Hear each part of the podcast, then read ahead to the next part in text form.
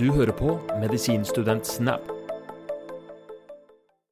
Ok, da er vi i gang. Velkommen eh, til intervju. Kristin Cornelia Utne, Takk. velkommen. Eh, hvordan har din dag vært? Veldig, veldig slitsom i dag. Ok, Mm, ja, jeg har sittet i eh, to lange forhandlingsmøter. Eh, og så er det jo i disse koronatider så er det ganske mye å gjøre på Legenes hus. Så Nemlig. det, det tar litt på. du er leder i Yngre legers forening, Det er jeg.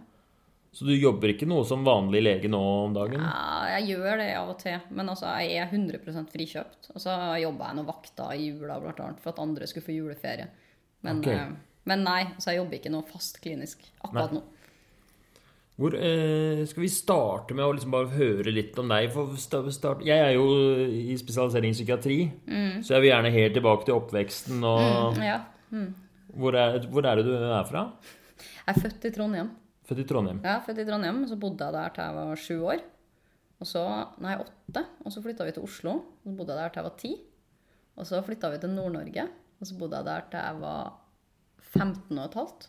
Og så flytta vi tilbake til Trondheim. Og så bodde jeg der fram til jeg var 23. Og da begynte jeg på medisin. Og så studerte jeg medisin i utlandet fram til 2011. Hvor da? Warszawa. Warszawa. Alle drar til Krakow, mens du valgte Warszawa isteden. Jeg visste ikke at alle dro til Krakow. Er det ikke mye flere i Krakow enn i Warszawa? Det er det. Ja. Jeg visste ikke, jeg. Du visste ikke? Du Jeg tror veldig mange fra Østlandet som egentlig har studert i Krakow. I Trondheim, så det, det var ikke Det var noen i, var noen i Warszawa òg. Hvor mange norske studenter var det der? I klassen min. Mm. Ti av Vi var 80 når vi begynte, og så var vi 44 som avslutta. De siler jo veldig mye. Ja.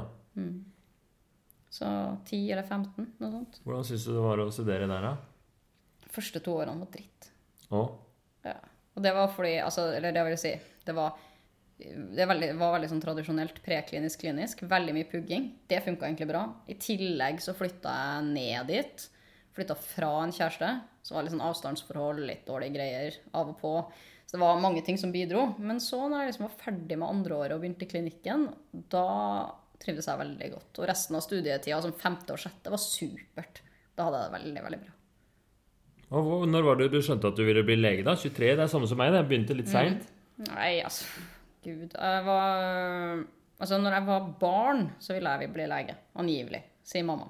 Ja, Fram til en viss alder. Og så, eh, når jeg gikk på ungdomsskolen og videregående, så ble jeg ekstremt politisk interessert. Og da skulle jeg bli diplomat. Så jeg tok jo eh, Altså, på videregående da Nå føler jeg sånn, jeg blir så gammel at jeg blir sånn, da tok jeg samfunnsvitenskapelig linje. Okay. det- Nei, men jeg tok liksom eh, samfunnskunnskap, sosialkunnskap, sånne Ja. ting. Ikke realfag. Eh, og så begynte jeg på statsvitenskap på NTNU etter det. Ja. Og så studerte jeg statsvitenskap, og mens jeg gjorde det, så skjønte jeg at uh, det her funker jo ikke.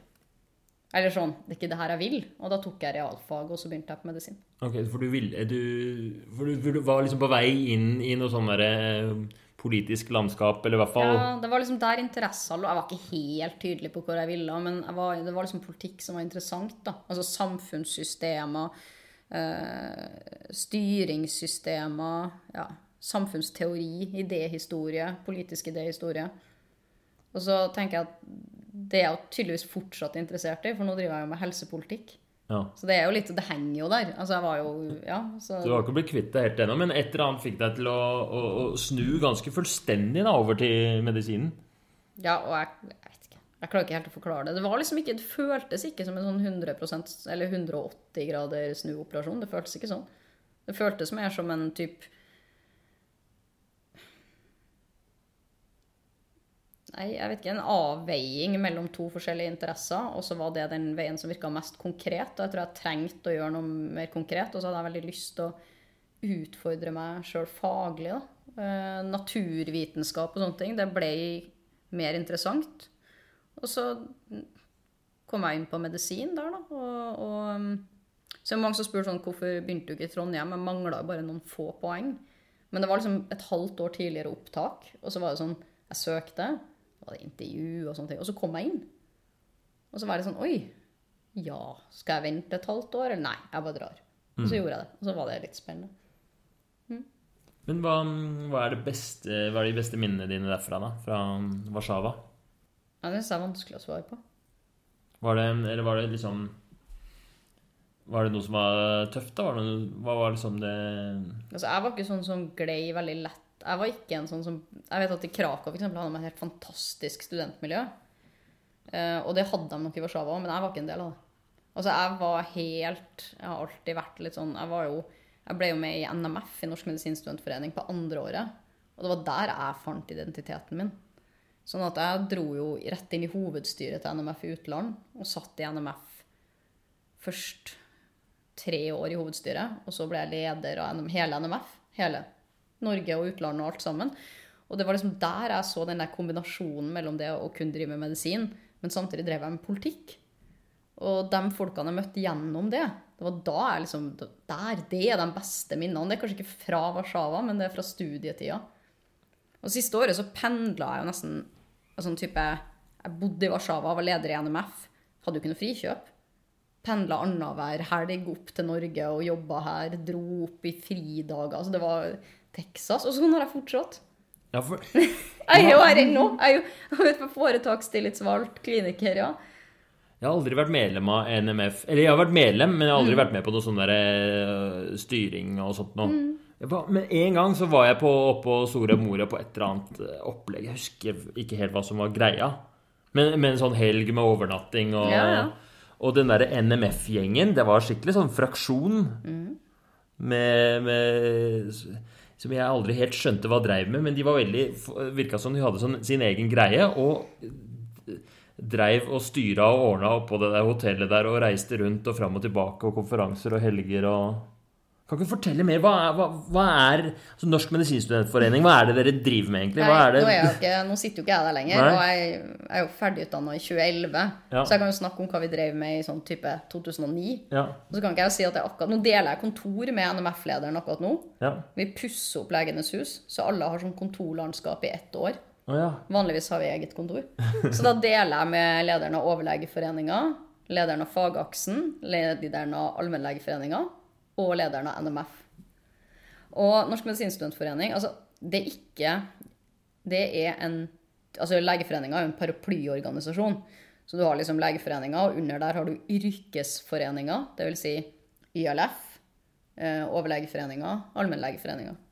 Og så har du fagmedisinske foreninger, f.eks. Norsk hematologisk forening. Og så har du lokalforeninger, f.eks. Oslo legeforening. Og det vil si at alle medlemmene av Legeforeninga er medlem i tre foreninger. En fagmedisinsk, for deg Norsk psykiatrisk forening, Yngre legers forening og Oslo legeforening hvis du jobber i Oslo. Ja. Alle er medlemmer av det. NMF er litt på utsida. Studentforeninga. Så de har liksom det, De er en del av foreninga. Det de jobber med, er jo politikk, egentlig på samme måte som vi gjør. Bare at det du fokuserer på politisk når du er student, er veldig annerledes enn det, den måten du jobber på når du faktisk har en arbeidsgiver. Det opplevde jeg som en stor forskjell. For når vi var i NMF, så var vi sånn Målet da var at vi skulle bli enige om politikk. Hva krangla vi om da, tror du? I NMF, Jeg husker i hvert fall det som har vært mye snakk om i det siste, er eh, innføring av karakterer og mm, sånn, hvordan skal eh, LIS-ansettelse foregå, og hvor mange LIS-plasser skal det være? Ja, det vi snakka om, var turnus. For det var det det var da. Ja. Var turnus. Det var turnus, var turnus, så var det innholdet i studiet. Vi satt mange i studiefakultetet. Eh, nasjonalisering av pensum, mange sånne ting, men hovedsakelig turnus. Mm. Og da var jo vårt formål, det vi jobba mest med, var at vi skulle klare å bli enige. Og så eh, jobba jeg masse masse, masse med det. Jeg var jo med på den prosessen med overgang til søknadsbasert fra loddtrekning. Og det tenker mange i dag at sånn Å, hvorfor gjorde vi det? Det var skikkelig dumt. Og jeg bare Du skulle visst hvordan det var før. Fordi nå sitter vi i en situasjon som er helt åpenbare katastrofal for medisinstudentene. Hvor vi mangler LIS1-plasser. Ikke sant? Men vi har ikke for mange medisinstudenter. Fordi vi trenger langt flere spesialister enn det vi har LIS1-plasser. Vi importerer jo 40% av spesialistene våre fra andre land i Norge. Det er helt absurd. Så, men det, når jeg tok over i NMF, så var det, det, var det jo loddtrekning. Eh, det var jo ikke karakterer, det var loddtrekning. Og alle i hele Europa kunne melde seg på så lenge du hadde stått Først var det at du måtte melde deg opp til språkprøve, så var det at du hadde stått språkprøve. I tillegg så sa de at mens vi gikk, så sa de at hvis ikke Altså køa bare vokste òg. Og så sa de det kommer til å bli 18 måneder ventetid. Og så var det en tredjedel som søkte særplass. For da hadde vi jo særplass f.eks. hvis du hadde små barn på skolen. så skulle du prioritert. Men det var ikke sånn lenger. Det var sånn Jeg må jobbe i Oslo, for jeg har diabetes. Og vi var sånn Men du kan jo, du kan jo jobbe liksom, i Trondheim selv om du har diabetes. Nei. Og mange fikk det innvilga. For sak det var liksom, Og til, til slutt så var bare hele ordninga egentlig i ferd med å dette sammen. Altså det var jo sånn De som hadde studert i Ungarn Først så fikk de beskjed om at de skulle ta turnus. Så fikk de beskjed om at de måtte ikke ta turnus, fordi de hadde sånn praksisår på slutten. Så fikk de beskjed om at de fikk ikke lov å ta turnus. Ikke sant? Og de bare ja, men vi vil jo gjerne ha det, for det er jo lurt før vi skal jobbe. Nei. Og så fikk de beskjed nå må de ta det. Så det, det systemet var bare veldig uregulert. Altså, Situasjonen vi nå er i vanskelig. For vi har for få plasser, og det skaper masse absurde ting. F.eks. at du i praksis må ha arbeidserfaring for å få ei stilling som er laga for at du skal lære deg å jobbe som lege. Ja, det er alltid syntes Nei, jeg teit. nei, det er helt teit. Det er helt dust. Men det er jo bare et resultat av at det fins en kø. Det er jo ikke fordi du søker, det er fordi det er en kø. ikke sant? Og så er det sånn, hva skal du skille folk på? Ja. Uh, alle er kvalifisert, for hva er kvalifikasjonskravet? Kan med, eller Master of Medicine, eller hva søren. Men det er sånn med kvalifikasjonssystemet at fordelene med det er jo én at du kan klage og faktisk få tilbakemelding på at du ble forbigått. Ikke sant? Og få økonomisk kompensert. Altså Vi har jo sivilombudsmannssaker på folk som har blitt forbigått. Det andre er jo det at man må faktisk forholde seg til hvem som er best kvalifisert. Og så kan man spørre seg om hvor enkelt det er, eller hvor reelt det er. Men det gjør, tvinger jo faktisk fram at man ikke da f.eks. kan, hvis du kommer en, en medisinstudent som er iraker, som snakker helt flytende norsk, som er mye bedre kvalifisert enn deg, så skal ikke du få jobben foran han eller hun. Men samtidig så ser vi jo at de fleste norske studenter, og særlig de norske som har studert i Norge, er jo de som flest får jobb på første forsøk. Ja. Ikke sant? Ofte fordi de har erfaring klinisk, de snakker norsk, sånne ting. Men det er ikke gitt at det er sånn. Så på et vis er det jo mer rettferdig, da. Ja. Fordi at tidligere, når det var sånn søknadsprosess, eller nei, jeg mener loddtrekning, så var det noen sånne håpløse caser, liksom, som eh, At det vir- virka som det var viktig for sykehusene å kunne få en sånn eh, bestemmelsesrett på hvem de kunne ta inn. Så kan man spørre seg hvor bra det er, da. Eh, Og ikke pga. de håpløse casene, for det det finnes fortsatt, men det er langt færre. Men det som er problemet nå, er jo at når du ansetter noen i liseen, og alle må gjennom det, så ansetter jo folk ut ifra f.eks. vil denne personen tåle å gå i indremedisinsk vakt? Selv om de kanskje aldri skal gjøre det mer, de skal bli mikrobiolog. Så det er et eller annet med at du tvinger alle sammen gjennom et system som egentlig er nødvendig for at du skal kunne være f.eks. alene ute i eh, Kvalsund og ha legevakt. ikke sant? Men litt av utfordringa i, i systemet at du tenker sånn, ja, men hvem, hvem har vi ansatt som klarer liksom, du, du er jo en del, du er jo i jobb, selv om det er utdanning. Og så er spørsmålet en del folk da vil nødvendigvis ikke være dem som produserer mest, men kan fortsatt bli kjempedyktige leger på noen altså, jeg bare sier, det systemet det er et komplekst system. Og det er jo ikke et reelt marked. Altså, når man gikk over til søknadsbasert, så kunne man jo tenke seg at sant, det som skjer da, er at du mister retten til en jobb. Du mister jo retten, men samtidig så har du en mulighet til å påvirke om du får jobb selv. Ikke sant? Men så er det noen som sier sånn Ja, men vi må begrense antall søknader studentene kan sende. Ikke sant? Eller studenter som sier hvorfor kan vi søke på så mange sykehus? Hadde det ikke vært bedre hvis alle bare søkte til fem steder? Ikke sant? Det hadde vært lettere for sykehusene. Men poenget er at det øyeblikket du tar fra folk retten, så kan du ikke nekte dem å søke jobb hvor de vil. Eh, så det er liksom, og så er det jo det at Hvis det hadde vært et reelt marked, så hadde jo ikke myndighetene sittet og regulert hvor mange plasser det skulle være til enhver tid. Det antallet har jo ikke økt siden 2008. Kom det ikke gjennom nå at det skulle være, komme flere? Jo da, det kom gjennom at det skulle komme 38 stillinger til i nord. 19 kommer i 2020, 19 kommer i 2021. Men vi ser jo på Altså, det er en vekst i året i spesialisthelsetjenesten på 600 årsverk. Jøss. Ja? Det har vært enormt de siste årene, fordi man har eh, bygget altfor små sykehus, og man må drifte døgnet rundt, og det er mange grunner til det. Og, og vi har jo ikke noe helse, altså Helsesekretærene er jo borte, så alle legene gjør papirarbeid selv. Så det er jo dum bruk av ressurser, men det er en annen sak. Men poenget er at hvis, altså hvis bare 10% av veksten skulle vært tatt i liseen, altså folk vi faktisk utdanne selv, så skulle vi hatt mange flere enn de 200 Legeforeninga har bedt om. da. Ikke sant? Sånn at det er helt fiktivt å begynne å krangle om ut, for norske studenter eller utenlandsstudenter skal ha eh, turnusplass eller LIS 1 egentlig. Fordi at vi trenger Altså hvis du fjerner alle utenlandsstudentene, da, så ville vi bare måtte ha importert under, liksom? 60 av legene våre fra andre land. Og så kan man spørre seg er det bra at de utdannes i utlandet. Burde de kanskje vært i Norge, sånn som Grimstad-utvalget? De har kommet med en sånn rapport hvor det står at 441 nye plasser på medisin i Norge. For å få flere. Og, ok, det er fint. Vi mener jo at det er fint at Norge utdanner egne leger. Men hva er vitsen med det hvis det ikke er lisensstilling? Ja. Hva, hva, hva er poenget da? Og det, og det her er jo det jeg jobber med. da. Hver dag ikke sant, i møter med politikere sitter jeg og sier det her er jo helt absurd. Vi har fastlegekrise. I går var jeg i møte med en politiker som sa sånn Ja, men hva skal vi gjøre, da? Vi mangler fastleger, men det er jo ingen arbeidsledige leger. Hvor skal vi hente dem hen? Jeg bare, det står 1000 stykker i kø. Sant?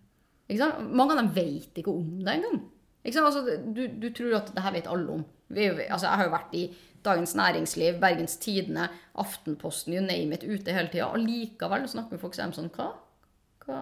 Er det et problem? Og det, det er litt sånn politikken er. Ja. Men tenker du det er bedre å ikke tvinge alle gjennom LIS 1? At det hadde vært en løsning? Nei. Eh, Men det jeg tror er, og det har jo vi spilt inn nå, da, at man kunne eh, Jeg tror vi skal ha lisentjenesten, og så tror jeg det må, må dimensjoneres ut fra et faktisk spesialistbehov. da. Altså Både innen allmennmedisin og sykehusmedisin.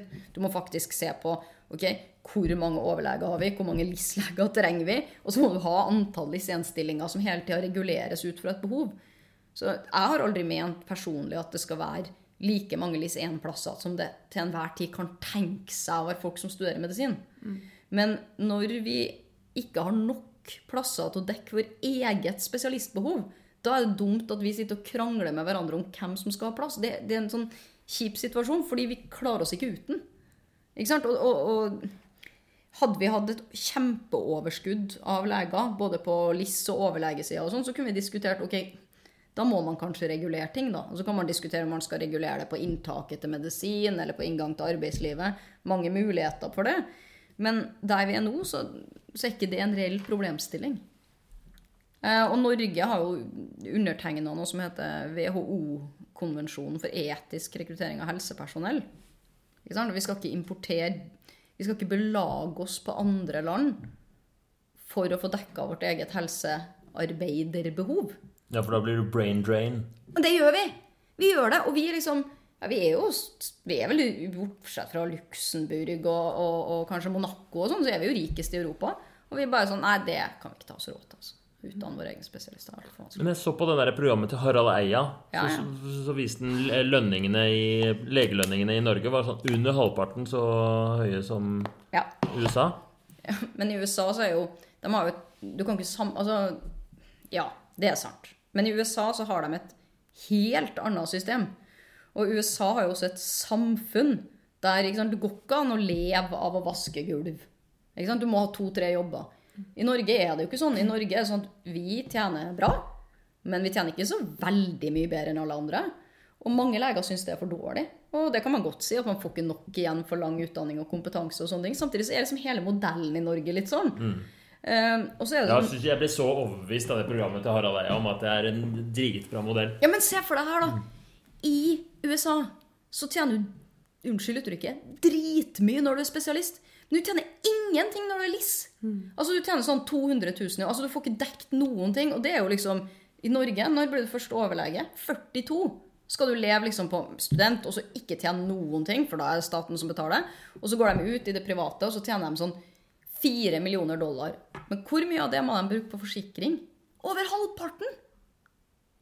De må jo forsikre seg sjøl. Altså, du kan ikke sammenligne systemene i det hele tatt. Ja, hva koster forsikringa vår? Koster det 60 kroner i måneden eller noe? Jo, men Du er jo hovedsakelig forsikra av jobben. Ja. Og så har du ei tilleggsforsikring som er på en måte hvis du vaksinerer bestemor hjemme eller tar noen på kontor. Altså Du har en sånn personforsikring, og den koster jo fordi vi er så mange. Ja. Fordi du er medlem i Legeforeningen. Ok, Men jeg skjønner hvorfor du har drevet med, du, med NMF og, og du jobber i Legeforeningen. Du begynner jo å brenne med en gang du Svette snakker om noe om, eh, om, eh, om et eller annet som er bare bitte litt eh, politisk Det er ikke litt. Altså, det her er jo en sak som Det kan kanskje være vanskelig for, for hvis man ikke har vært med, men det her er jo en sak jeg har måttet jobbe med fra 2006, og fortsatt jobbe med i dag. I, altså gjennom hele student. Jeg har vært lege, tillitsvalgt, stipendiat, nå som LF-leder. så sitter jeg fortsatt og prøver å løse de her helt åpenbare problemene. Blir, blir du ikke frustrert over at eh, kan, ikke, kan ikke motstanden bare slippe snart, liksom? Og du, at du får det som du vil? Det kommer aldri til å skje. Altså, jeg kan godt få det som jeg vil, men eh, det er sånn det, er ikke sånn det funker. Ikke sant? Det, det, hele greia er at det som er det kanskje tyngste med å være tillitsvalgt versus å være lege, er at når du er lege, og særlig hvis du er i sånn kirurgi og sånn, så er det sånn du ser et problem, du fikser det. Når du jobber som tillitsvalgt, så snakker vi lange prosesser, seige prosesser, mange år, forsiktige løsninger. Men og noen ganger så går det så lang tid at når du slutt får det som du vil, så er det litt sånn antiklimaks. Det er sånn OK, ja da ikke sant? Sånn som når vi streika, så var det sånn, så vant vi til slutt i retten, og så var vi sånn Å å ja. Ja. Det, ja. det var liksom en dragkamp. Men, men det er nødvendig for å få gjennomslag, og ting endrer seg jo. Det er bare Ja. på en annen måte. Det er ikke sånn, det er ikke sånn mildt ned der og sånn borte. Det er mer sånn type sakte, men sikkert så ser du at ting endrer seg, og så får du noen sånne kjempeseire av og til, som er bare helt fantastisk, og så får du noen sånne skikkelig knockouts av og til som bare Hva skal vi gjøre med det her? Ja, for vi tapte jo først på den der når vi streika mot Spekter.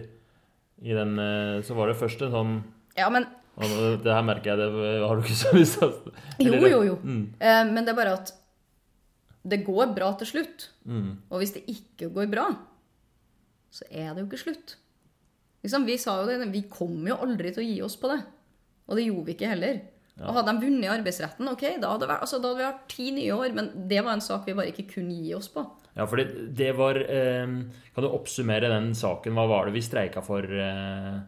Altså, det var vi, kamp mot Spekter, og det handla om arbeidsfordel... Eh, altså at vi, de tillitsvalgte skulle få være med og bestemme vakt.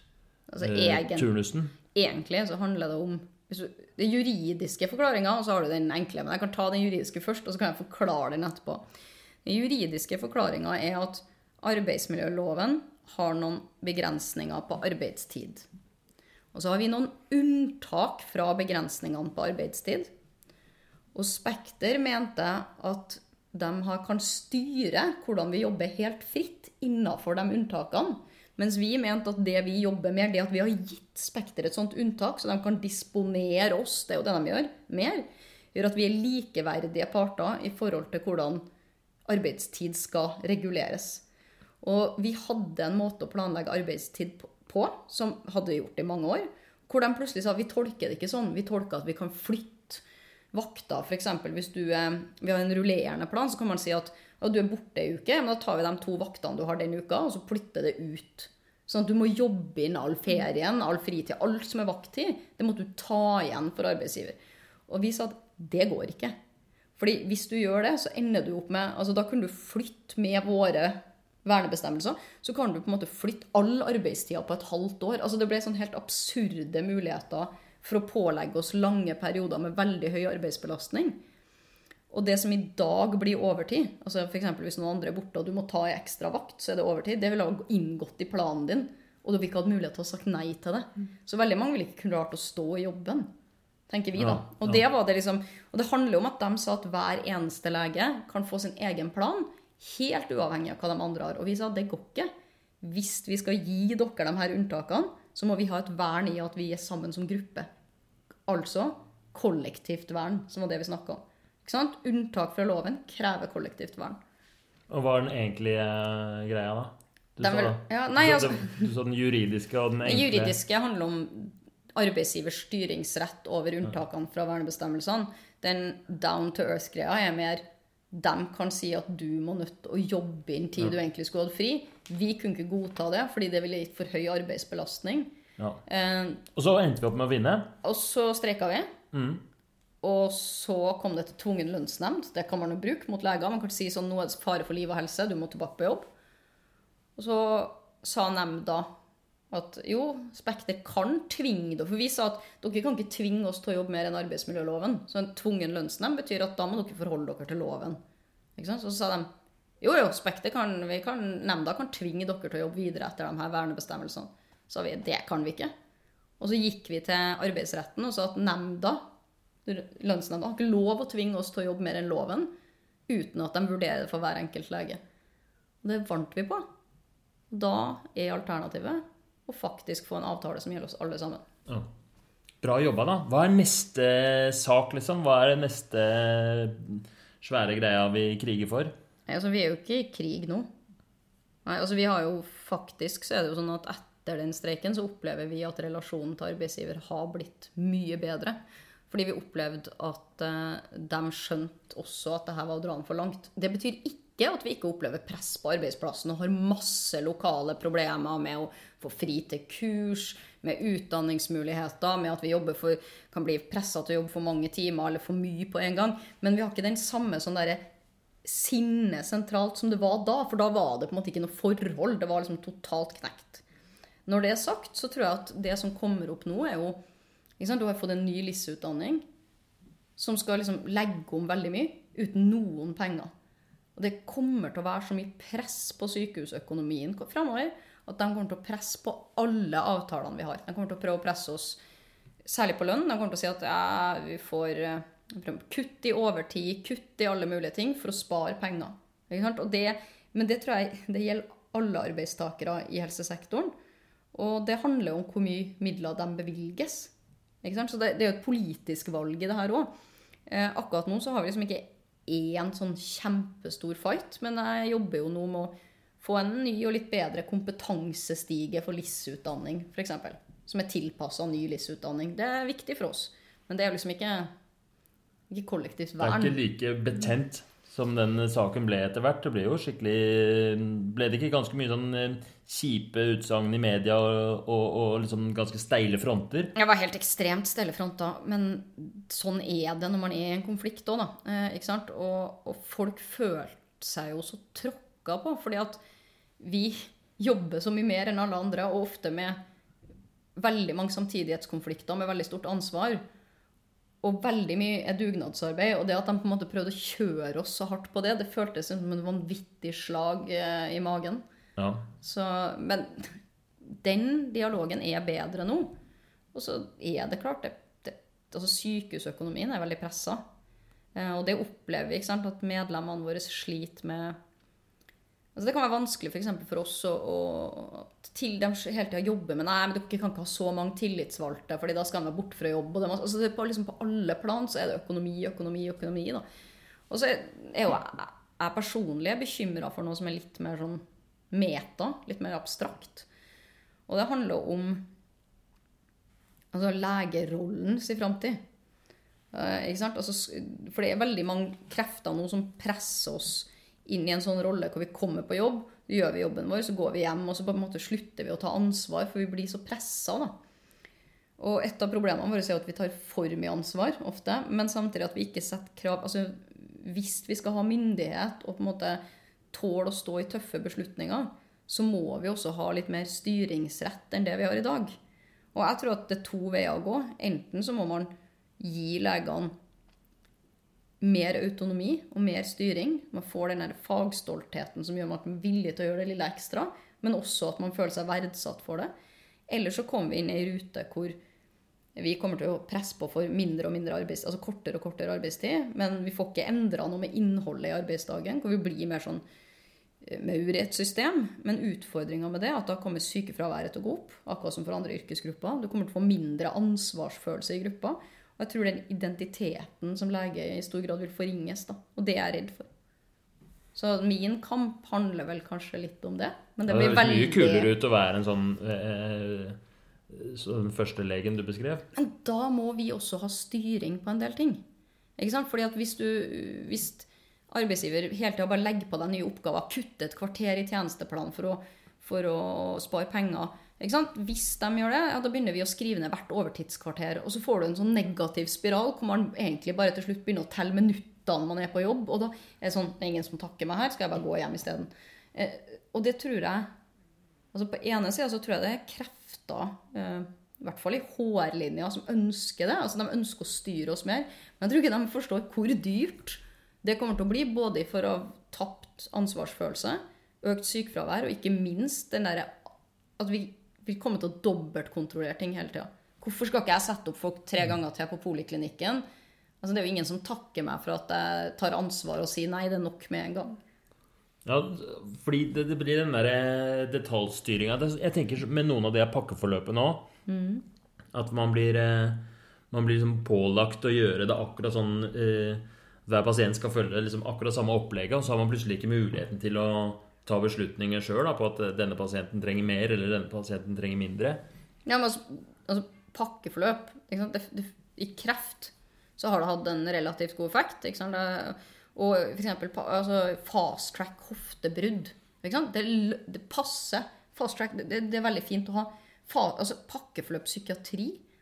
Altså, jeg er ikke psykiater, men mine psykiaterkollegaer sier at det er bare altså, For det er ikke sånn. Det er ikke sånn at alt kan ikke måles og telles på den Ja. måten. Eh, Ja, det er helt absurd. Det er som altså, at en pasient med Eller alle pasienter med ADHD skal få nøyaktig samme greia. det er jo helt, det er helt Da misforstår man hva ADHD er, da. Da tenker man at alle de pasientene er like, men de er så utrolig forskjellige. Altså, men jeg tenker også at det, det er veldig mange som ikke forstår for eksempel, altså jeg, var sånn, jeg driver og underviser ofte sånn nye LIS 1-leger i systemforståelse og RHF-nivå og alle de tingene der, og så sier de sånn så var det liksom en rådgiver som sa sånn Ja, det viktige er jo at de lærer seg å følge retningslinjene. Så jeg bare Er du tullete? Retningslinjer Altså ikke retningslinjer, jeg mener de der som du har på Hva heter det? Prosedyrene. Prosedyrene. Ja. Prosedyrene, unnskyld. Fordi jeg bare, Prosedyrene er der for at du kan slå opp hvis du er usikker på dosering. Altså Hvis du følger prosedyrene på alle pasienter, da er du jo, gjør du virkelig en dårlig jobb. Tenk om du ga alle hjerteinfarktpasienter trippel platehemming selv om de hadde pågående blødende magesår. Det står jo ikke i prosedyren. Det er derfor vi trenger leger. Det, det, prosedyren er et støtteverktøy som skal hjelpe deg å bare sjekke at du liksom har tenkt på de viktige tingene og blanda rett kaliumklorid. Altså, Hva, altså En ting jeg kom til å tenke på Du sa at du starta med at det har vært en slitsom dag. og Jeg merker hvor mye eh, energi du bruker på alle disse tingene. Og at du er Det virker jo som eh, du har satt deg selv i en posisjon da, hvor du er leder for Yngre legers forening. At det er mye, mye press og ganske mye Blir du utbrent, eller? nei. Du er ikke redd for det? Nei. Er du sikker? Ja. Du ser at jeg mener det. Nei, men greia er at jeg har drevet på sånn som jeg gjør nå, bestandig. Hvor lange arbeidsdager har du? altså, det, det varierer Jeg tør nesten ikke å si Nei, det varierer. Tolv 12 timer, kanskje. Hver dag? Nei, ikke hver dag. Men, altså, men Kai, altså, det er en helt annen måte å jobbe på. For du kan si at som sykehuslege så jobber jeg 8-9 timer, og hvis jeg hadde vakt, var det 14-15 timer. Når er du på jobb, så er du ferdig på jobb. Og så er det ikke sant. Men nå så er det sånn det er ingen som bestemmer når jeg skal komme på jobb. Men jeg har stort sett møter alltid mellom 9 og 4 en gang. ikke sant? Så da må jeg være på jobb og ta noen møter. Og så reiser jeg mye rundt i landet og sånn. Men så er det sånn, hvis jeg plutselig må til tannlegen, så er det bare å gå. Sånn altså skillet mellom arbeid og fritid viskes ut. Så går jeg hjem fra jobb, så går jeg på trening kanskje. Og så sitter jeg på kvelden mens jeg er hjemme og svarer på 15 mail. Har jeg vært på jobb da? Altså jeg har jo det. Eller ringer en tillitsvalgt og sier sånn Du, vi må snakke om noe. Så snakker jeg i en og en halv time. Altså det er jobb. Men det er ikke jobb på samme måten som på vakt. Altså det er en litt sånn annen måte å jobbe på. da.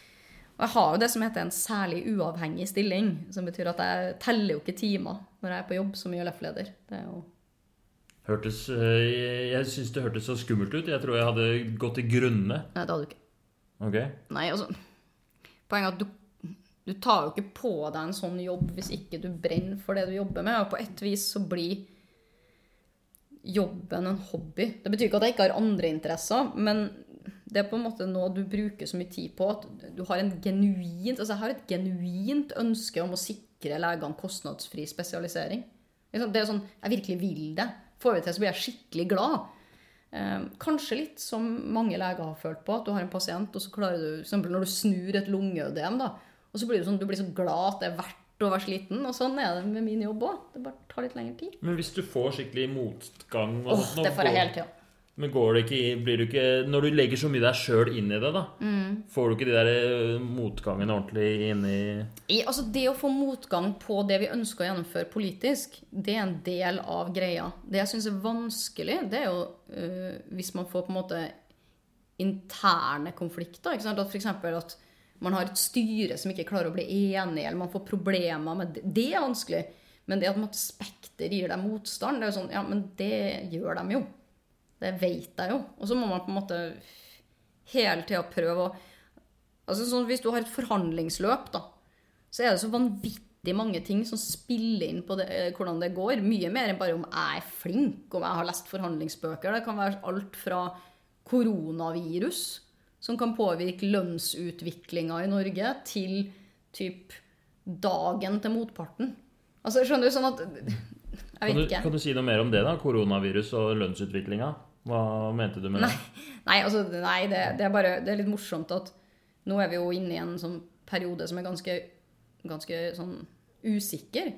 Og når da de her som forhandler for industrien Du har hørt om frontfaget? Vet du hva det er? Nei. Nei. Sånn, I Norge så har vi Jeg tror ikke Harald Eia tatt opp frontfaget. Det kan hende at han Ja, har den nyeste Nei, altså Frontfagsmodellen, som er veldig populær i Norge, det handler om at dem som jobber i konkurranseutsatt industri, de forhandler først. Og grunnen til det er at ikke fastlandsøkonomien Altså vi skal få så høye lønninger på fastlandet, eller i, fordi vi har oljeindustrien og sånn, eller høye lønninger i offentlig sektor og sånn, at vi på en måte utkonkurrerer så ikke folk vil jobbe i det. At vi ikke får solgt varene våre, da. Ikke sant? Hvis, eh, ja. Sånn at hvis, hvis lønnskostnadene blir for høye, så blir det for dyrt å produsere ting. Så får vi ikke solgt det til utlandet, så går økonomien ned. Derfor så forhandler de først. Og det de lander på, f.eks. 3% 4% 2,5% Så fiskeoppdrettsarbeiderne og oljearbeiderne Altså, de, forhandler først? Ja, de forhandler en gruppe. Bam, de ender opp på en cirka prosent. ikke sant? Eksempel i fjor så var vel det 3,2. Og da er det normen for hva alle andre skal få i lønnsoppgjør i hele samfunnet. Eh, Og så er det sånn at De sier at det skal være en over tid, men vi som forhandler, opplever jo ofte at det er både tak og gulv. Og det er en utfordring hvis du har særlige behov. Det er en annen sak. Men så er det sånn at nå da, så skal de inn og forhandle. ikke sant? Nå skal de forhandle for laksenæringa. forhandle nå, f.eks. Etter at koronaviruset slår inn, så går det dårligere med laksenæringa. Dårligere lønnsoppgjør. Sannsynligvis lavere frontfag. Som alle i Norge får dårligere lønnsutvikling. Hvis det skjer. Jeg vet ikke om det skjer. Men det er stor sannsynlighet for at det skjer. Er du, blir du din eh, arbeidshverdag rammet mye av koronaepidemien? da? Ja, altså, du kan si at DS Legeforeninga, som jeg jobber i, jeg sitter jo på Legenes hus, det er jo en stor organisasjon med mange ansatte. Vi har jurister, kommunikasjonsrådgivere, så har vi en fagavdeling som jobber veldig mye med sånn fagutvikling og sånne ting. Og alle dem, og vi som sitter som ledere, forholder oss jo til typ ansatte som lurer på når skal jeg gå på jobb? Må jeg jobbe mer? Hva skjer hvis det blir smitte på jobben min? Hvem skal betale lønn hvis jeg er i karantene? Hvordan skal alle de tingene funke? Så har du det at vi skal gå ut med folkehelseråd. Og så har du sant, pandemiberedskap. Hvordan skal, skal vi ha store samlinger? Vi altså det, I en sånn organisasjon så vil det skje i alle organisasjoner. Statoil påvirkes masse av det her. Men vi påvirkes enda mer, for vi organiserer helsearbeidere. Altså dem som skal gå på jobb og jobbe i en smittesituasjon. Og de har utrolig mange spørsmål. Og det er masse kompliserte ting som skjer når sånt skjer. F.eks. skal man jobbe flere timer enn før? Skal vi godta at folk jobber mye mer? Er det en god idé? Tall fra Kina, fra en, det var vel SARS Nå skal ikke jeg sikre på at det er SARS. viser jo at hvis man jobber for lenge, så har man jo større risiko for å få infeksjon og dø. Ikke sant? Alt det her må med i de vurderingene vi gjør. Det er ganske mange leger som har dødd allerede av korona, er det ikke det? At, I hvert fall en del eh, som jeg har hørt om. Tre i Kina. Tre i Kina. Var det ikke noe sånn? Ja, jeg vet ikke. Ja, kanskje åtte. Eh, Jeg vet ikke eh, hvor mange. Jeg vet- at han der som varsla om det, døde, men hvor mange, det har ikke jeg tall på nå. Men, i Kina, men det er ingen som har dødd i Europa eller noen annen plass, men i Kina. Men det er klart, da har du folk som går i smitte hver eneste dag og ser pasienter hver eneste dag vi har nok relativt god beredskap i Norge. Samtidig er klart at det er ingen land som, ser, som er forberedt på sånn som altså, Hvis det f.eks. kommer 7000 stykker som blir, blir alvorlig syke, og halvparten av dem skal ha mekanisk ventilasjon. Altså, det, er ingen, det er jo ingen som har mulighet til å gjøre det. Og hvordan påvirker det våre medlemmer som skal gå på jobb? Det er sånne ting som vi snakker om da, og, og, og må forholde oss til hele veien. Ja, det var spennende. Det, er, det virker som det er så mange aspekter av helsevesenet som blir ramma av den eh, koronaepidemien. Jeg syns det er eh, eh, hva, har, du, har du noen sånne tips eller, eh, til legere der ute? Eller noen sånne viktige ting, budskap, sånn nå i disse dager? Jeg forholder meg til folkehelse Nei da. Jo, men altså i utgangspunktet, jo. Altså I utgangspunktet så forholder vi oss til de rådene som følges ja. av Folkehelseinstituttet. ikke sant? Men er det noen spørsmål du får hele tiden? som du liksom bare vil... Nei, det handler, nei altså, det, det var, altså, du har jo spørsmål f.eks. på uh, hva skjer hvis jeg må gå på jobb? Ikke sant? Må jeg gå på jobb? Hvor mye må jeg gå på jobb? Men det kommer litt an på situasjonen, og der har vi jo jurister som hele tida er i beredskap, som jobber med sånne planer ikke sant? for, for uh, Altså Når folk kontakter oss igjen, hvor er vi smitta nå, hva skjer hvis folk beordres Men det vil jeg nok overlate til juristene å gi liksom ja. hele utredninga for. Men det vi har vært helt tydelige på, det er at eh, våre medlemmer, altså, og det snakker ikke jeg bare om leger, men sykepleiere og helsefagarbeidere, skal man ha særlig fokus på å beskytte. Fordi de kommer til å være så essensielle i en eventuelt sånn ordentlig pandemi at vi er veldig opptatt av at våre medlemmer, og det kan jeg si at de skal oppleve at arbeidsgiver tar dem på alvor og sørger for å trygge dem. Det er hovedfokus hvis det her skal gå bra for oss alle. Også om det her blaffer over nå, så kommer det en ny epidemi eller en ny pandemi om to år. Og da ser vi at det er sykehusene som tar ansatte sin sikkerhet på alvor. De tør folk å gå opp, komme på jobb og gi helsehjelp. Det er det færre som dør. Det er bedre håndtering av smitte. Det tenker jeg er liksom sånn prima. Det sa jo Jon Lånke på Debatten i går, men det er helt sant. Mm. Og så er det selvfølgelig alle de vanlige rådene. Ikke sant? Du må følge rådene fra Folkehelseinstituttet. Følge rådene fra arbeidsgiver, og vask hendene hele tida. Ja. ja. Jeg opplevde Altså, han derre Det var en øyelege som eh, dro på jobb med smitte. Mm. Og eh, så har det kommet fram at det var liksom fått anbefalt av en annen. Mm. og at... Eh, men i starten så ble jo han hengt ut for hele verden, egentlig. Så det sto på WHO sin, sin oversikt så sto det 'Norwegian doctor who was sick, came from Italy and went to work'. Ja, Men det visste jo ikke den personen. Jeg vet ikke om det var en han eller hun. Eh, men, ja, det vet ikke jeg heller, forresten. Nei. Men eh, i hvert fall eh, det Jeg tenkte med en gang at, at eh, det kunne så lett vært meg eller mange andre av kollegene at vi, det er så ofte at vi drar på jobb sjuke. sjuke ja, at det er så kultur for det at leger får ikke lov å, ja, men den her personen gjorde jo alt riktig. Mm. Ringt på jobb. De hadde jo ikke vært, eller Den personen hadde så vidt jeg vet ikke vært et smitteområde, men på flyplassen. Ja. Sa den har vært på flyplassen.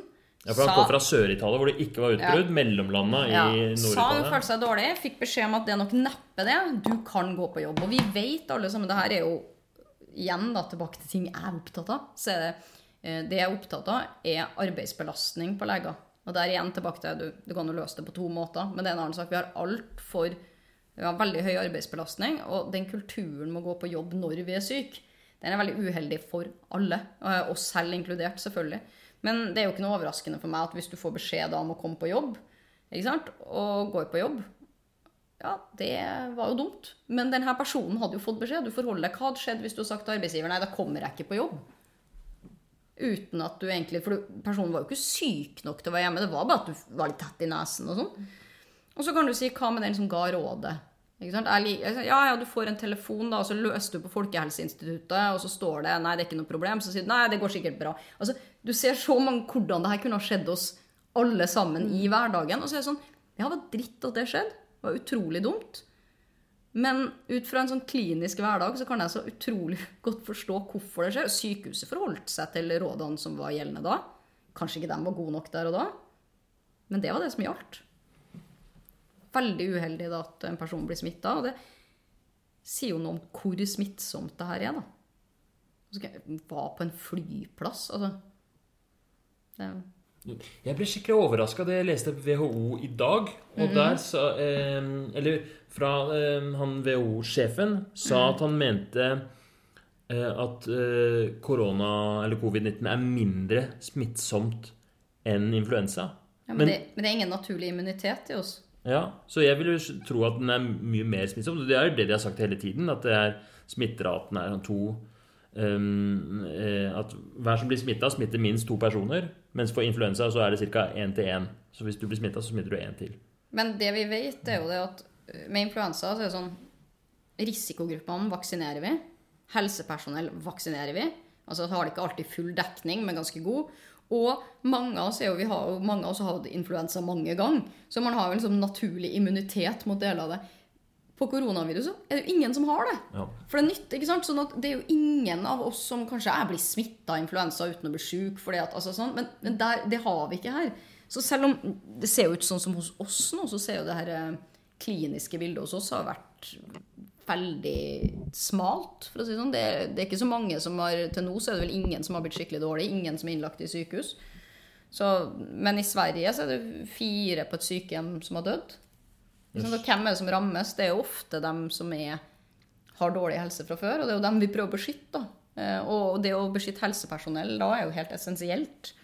For vi skal jo ikke bare behandle dem som kommer inn med korona, vi skal jo også behandle alle andre som kommer inn. Og hvis vi da hele gjengen er slått ut med influensa eller noen annen sykdom, så er det litt uheldig. Men hvor utsatt er vi da, som leger, friske, som skal ut og hjelpe de som er smittet? Altså, Du har jo høyere risiko enn resten av befolkninga fordi at du vil stå i det over tid.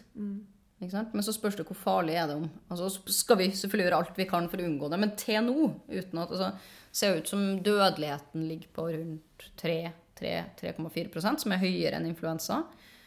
Eh, og det er noen få som blir veldig syke, men eh, de fleste av folk på vår alder vil nok sannsynligvis altså Ut fra sånn som viruset ser ut nå Jeg er litt redd for å si det helt sikkert, for vi ser at ting endrer seg så fort.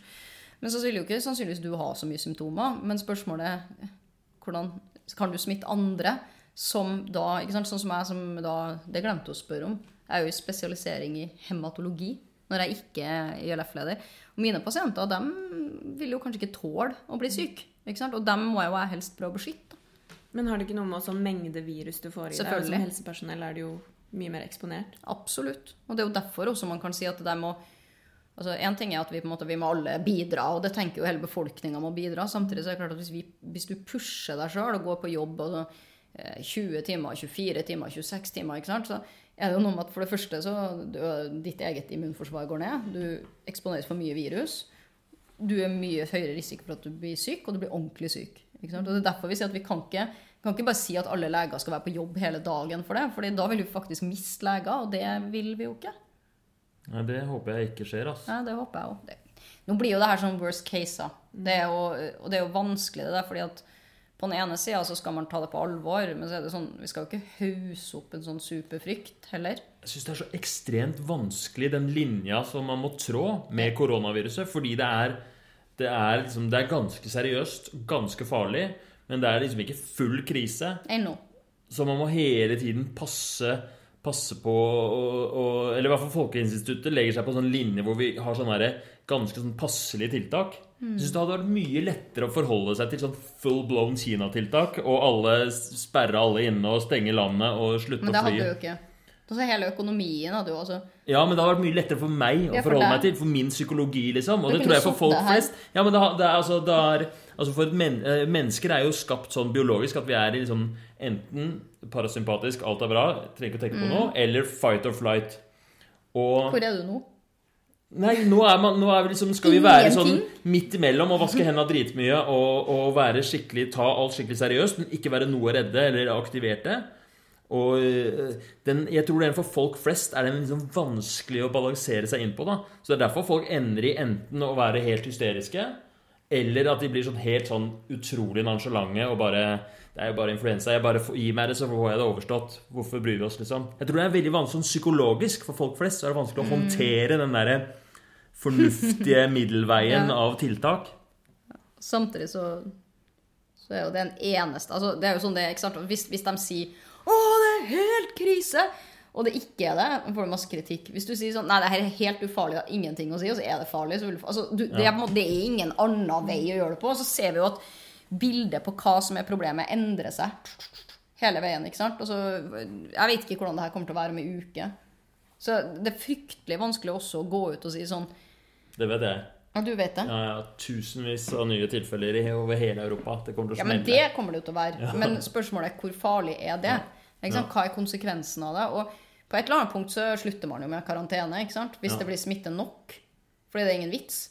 Men spørsmålet er da hva med dem som ikke tåler å bli syke? Altså, men, men det her vet vi ikke. Det er dritvanskelig. Jeg er egentlig ganske glad for at ikke jeg skal bestemme de der retningslinjene og sette standard nå.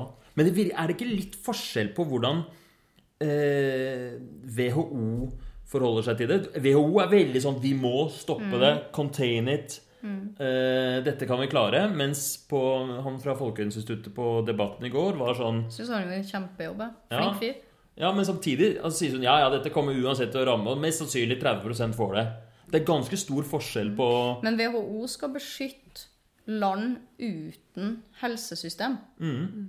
Er det ikke da litt usolidarisk av Norge at vi tenker sånn Ja, men vi bare får det? Nei, men det tenker vi jo ikke. Vi gjør jo ganske mye for å unngå det. Altså, vi, sånn, ja, vi skal kanskje avlyse Holmenkollstafetten, folk settes i karantene. Vi gjør jo mye, men det at vi setter oss ned og bare Det hjelper jo ingen. Ja. Ikke sant? Hvis alle, altså, de, Allerede nå så har det her enorme økonomiske konsekvenser. Og det, det er helt forventa, sånn vil det være i en krise. ikke sant? Men liksom bare sånn, ingen reiser, kanskje Altså, det, det er og, og du, Mange som reiser fortsatt, da. jo, men altså se for deg at uh, ja, reiselivsbransjen da, 20 avbestiller en tur. Marginene er så små. Masse folk kan miste jobben. Og så mener jeg at helse er jo mye viktigere enn det. Men det sånn, konsekvensene er enorme uh, på sånn mange plan som vi nesten ikke kan se. Kina da, har kutta CO2-utslippet sitt tilsvarende hele Norges utslipp ganger to på et år. På liksom en måned. Det er jo helt uh, Det er jo, ekstremt, det, det leste, hvor leste jeg det? Jeg lurer på om det var The Guardian. da. Men det er jo helt utrolig. Men samtidig så er det sånn Jeg hadde hele digga om vi i Norge hadde hatt kjørt sånne Kina-tiltak. Jeg hadde syntes det var så fett. Men, men, eh, men det er mest sånn fra sånn barnslig perspektiv, da. Det er- er sliter jo litt gøy med at Kina har gjort det. da. unntakstilstand. Fordi da får vi jo ikke tak i sånn type, en del medisiner og verneutstyr og sånn. Det er jo litt Ja, men vi hadde ikke kjipt. trengt det hvis vi hadde bare stengt alt. Da hadde vi ikke fått et eneste smittetilfelle. Hvis ingen fikk lov å komme fra Italia noensinne, liksom. Ja, Du tenker, ja. Mm. Men, men jeg, jeg skjønner jo at det ikke er lurt, da. ja, Men men bare Vanskelig hvis du må ha dopapir eller brunost eller noe sånt. da. Så, Brunost kan vi vel få fra oss sjæl, vel? hvis du har stengt ned alt. Ja, jeg trenger ikke å stenge Du skjønner hva jeg mener? At vi kjører litt sånn Kina-unntakstilstand. De får jo mat, eh, håper jeg. da Får de ikke mat? Det er vanskelig å vite hva som Ja. egentlig foregår. De Det får de- nok Jeg har hørte de har sikkert. sveis Altså hvis du får påvist koronavirus i noen s- s- Så steder, drep liksom de det, eller? Ja, og hvis du da prøver deg på liksom eh, du, du blir isolert i leiligheten, og så setter du sånn teip over døra di. Og hvis du eh, sniker deg ut på kvelden eller noe for å handle noe og kommer tilbake, og de ser at den der eh, forseglingen er brutt, så sveiser de igjen døra di. Men hvem er det som går rundt og sjekker det med teipen? Det er myndighetene, Sånn diktatur, har de sånn folk til å gjøre sånn? Ja, de har det. Ja, Skal vi ha det en sånn teipefyr her òg, eller? Ja, for det hadde vært så fett hvis det hadde vært litt sånn eh, Sånn kustus på ting Nei, det hadde ikke vært fett. Jeg er veldig glad i den eh, norske modellen og Ja, støtter hvem er alt. ikke det? Hvem er ikke det? Men uh, det er imponerende, da. Kina har klart å stoppe spredningen av en epidemi som egentlig var helt ute av kontroll der. Så du bare stengte av en hel region Ja. og bare skrudda av, hele verdens største befolkning, liksom. Og så Får vi se da om den faktisk gir seg, eller om det er en bølgedal, eller hva som skjer. ja, men Det kan hende de tallene bare ljuger òg. Jeg vet da jo ingenting om. Men Nå var, nå var det, I dag var det 21 nye tilfeller i India. Det har ikke vært noe særlig før. Men nå har det liksom kommet masse tilfeller i India. Der kommer det til å smelle. Der kommer det til å smelle, tror jeg. Kanskje. Det er guffent. Ja. Hva skulle du si? Men i Norge vil ikke dette uansett nå en topp?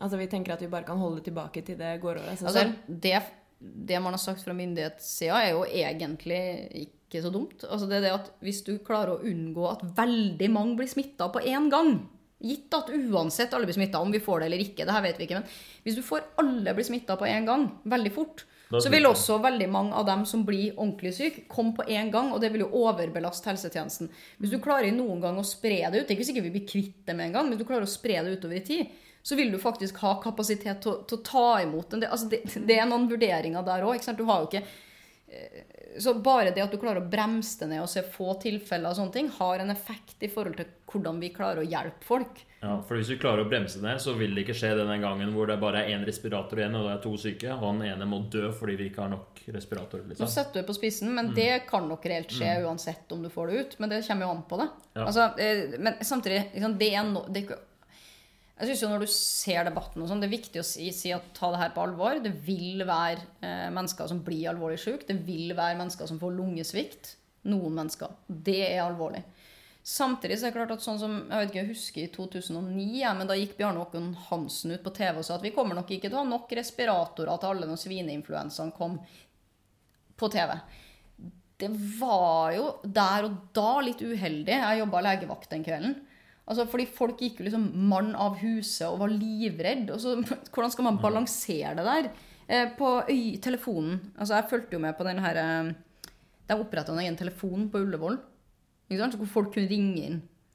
Og da så jeg på sånn Facebook-kommentar sånn Vi har prøvd å ringe inn. Vi var der for fire måneder siden. Vi vil bare sjekke at det ikke er noe problem. Sånn at du får ganske mange folk som som egentlig ikke er i risikosonen, men som allikevel blir livredd. Da. Og det skaper i seg sjøl eh, press, trykk, problemer i helsetjenesten uten at det egentlig er noen fare for dem, som gjør at vi ikke at folk når ikke gjennom på 113. ikke sant? Sånne ting. Det, Men du som alltid har digga å jobbe med politikk og, og sånt nå, er du glad for at du har valgt den veien nå som det, er- vi plutselig er oppe i en sånn der pandemi? Skulle du egentlig heller ønske at du jobba i Folkehelseinstituttet eller noe sånt nå, da? Så... nei, altså hvis det her uh, slår ut, sånn at alle, så går jo jeg på jobb. Altså jeg har jo jobb på Ahus.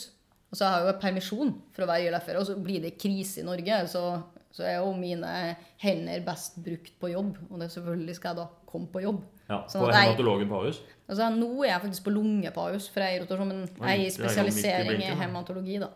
Eh, men det er klart at Men det vil jo ikke være Altså i en sånn situasjon så vil det jo være folk i akuttmottaket til å ta imot. ikke sant? Og det tenker jeg at eh, Sånn er det for egentlig alle oss som sitter på Legens hus. Altså lederen i OF, overlegeforeninga, hun er jo intensivlege. Hun òg bare sånn Men altså, herregud, vi skal ikke sitte her hvis det er behov for oss. Så jeg slutter jo ikke å være lege. Eh, men det å være Og det er jo ikke sånn at når du blir YLF-leder, så tenker du sånn Ja, jeg skal drive på med sånn pandemiberedskap. Eh, For det er jo ikke det du driver med. Du driver med lønns- og arbeidsvilkår og spesialistutdanning. Men når det en gang skjer, så tenker jeg at ja, det er sånn det er, da. Jeg vet ikke, det, ikke, det er ikke sånn at du drømmer om å komme i en sånn situasjon, men vi har jo masse masse flinke folk på Legenes hus. Du har liksom egentlig en veldig godt organisert helsetjeneste på mange måter. Så vi er jo et land hvor Altså, jeg kan jo være den skikkelig kritiker av helsepolitikere, helsepolitikk og sånne ting. Men i forhold til mange andre land så har jo vi mye ressurser og mulighet til å gjøre ting på en bra måte. Så bra som mulig, i hvert fall. Ja. Og det er et eller annet med kombinasjonen at vi har det der trygge helsevesenet med systemer som vi i stor grad stoler på. Så, og når, når det da røyner på, hvis det blir, hvis det blir sånn alle, alle mann til Hva heter det for noe? Alle mann til urnene? Nei, til, til Kan jeg, er ikke det sånn at vi skal Ja, i hvert fall når alle, alle må brette opp armene, ermene, liksom. Da, da er det gøy å være på sykehuset, ass. Jeg, var, eh, Du har litt lyst på pandemi, du. jeg, har ikke, jeg håper at det eh, går over, selvfølgelig. Men eh, den derre mm, den der, den der samholdet og Sånn som når jeg, når jeg hører eh, Una Dunlop snakke om, eh, om 22. juli, hvordan det var å være på Ullevål da, liksom. Man får jo gåsehud og den derre mm, Men jeg, tenk, jeg, jeg skjønner hva du mener. Jeg tenker også det at en av de opplevelsene jeg har hatt gått veldig mye vakt. Det er indre medisiner, ikke sant? Vi går mye vakt og veldig mange pasienter innom. Og det jeg opplever, at det å være vakt kan være skikkelig tungt, men det er et sånt samhold i kollegiet. Og når det virkelig er mye å gjøre, Ja. og du jobber steinhardt, og det ikke altså Hvis det varer veldig lang, så blir man helt utbrent, men en periode Og så er det akkurat som for meg, så er det sånn når jeg er på vakt, og det virkelig er mye å gjøre, så er det sånn du skrur på en bryter i hodet. Ja, du finner sånn ekstra nivå som Ekstra du ikke nivå. visste du hadde. Og så er det akkurat som alt annet jeg vet ikke, Har, har dere sett Fight Club? Ja, ja. Fight Club. Så sier han eh, Edward Norton, er det, ja. Han sier 'after a fight, the sound got turned down on everything'. Altså alle hverdagsproblemene, alt bare forsvant. Fordi at han Litt sånn er det å være på vakt. Det er liksom sånn Hvem gidder å fikk se på Facebook? Eller hva har det noe å si om du hadde en krangel med kjæresten din? For du er liksom bare in the zone. Ja. Og den følelsen Den der at du det- kobler på ja. noe sånn litt enda mer ekte enn hverdagen. Ja, liksom. det, har ikke noe, nå får jeg liksom lyst til å ta på meg skoene og gå på jobb. ja, ja, altså, ja, ja, ja. men, og den følelsen Og det tenker jeg at det er ingen som egentlig ønsker seg en pandemi. Det er ingen som egentlig ønsker seg en katastrofe. Men når den først skjer, dessverre, så er det sånn det samholdet og det å stå der Jeg husker en gang når datasystemet falt ned på det sykehuset jeg var på. Og man tenker sånn Det her kan ikke gå. La oss prøve. Ja, og Og så så prøver kommer de med kassettene. Nei, men så, nei, så begynte vi bare OK, hva og, så sånn, og jeg er jo sånn der, ikke sant Så jeg begynte jo sånn OK, folkens! Nå må vi lage! Ikke sant? Og tar alltid den rollen. Og begynte Ja. å lage sånn manuell Ser jeg for meg at du tar den. Ja, ja, er du gæren? Og så liksom går du fra rom til rom, og så skjønner du bare at? Du må bare gjøre det du kan. Og den følelsen Jeg tror det er mange sånne som reiser og jobber i liksom katastrofeområder. Jeg har annet en tante som jobber som bistandsarbeider. De blir litt sånn, sånn at det er en sånn hai i det. Altså at Du føler at du er til så mye nytte, du gjør så mye godt. Og når de kommer tilbake hit, gjerne til jul, eller noe sånt, og vi andre ikke snakker om sånn Ja, jeg skulle kanskje bytta gardiner. Så bare, de, bare hverdagen er sånn det er så mundane i forhold. Det er ingenting da, mot det rushet av å stå der. Ja. Hverdagsstresset blir så banalt når man har vært borti det. Det Liksom, ja, skal vi bake kake? Altså, altså folk sulter. Altså, sånn, du, du får den der følelsen, og og det er ganske kult med å jobbe som lege, da. Ja, jeg, jeg digger den delen av det. Det blir spennende å se hvordan det Men det er, det er et eller annet med når den går over så lang tid, så kan jeg Jeg, bare Ja, merka i dag Jeg hadde jeg drømte om korona i natt, og i dag jeg var jeg var så fedd up. liksom Vi hadde sånn der trening på å ta av og på smittegreier. og sånt. Jeg var sånn, åh, jeg er så drittlei av det der viruset. Men alle hater jo Altså, alle hater når man er nødt til å ta på seg smittevernutstyr.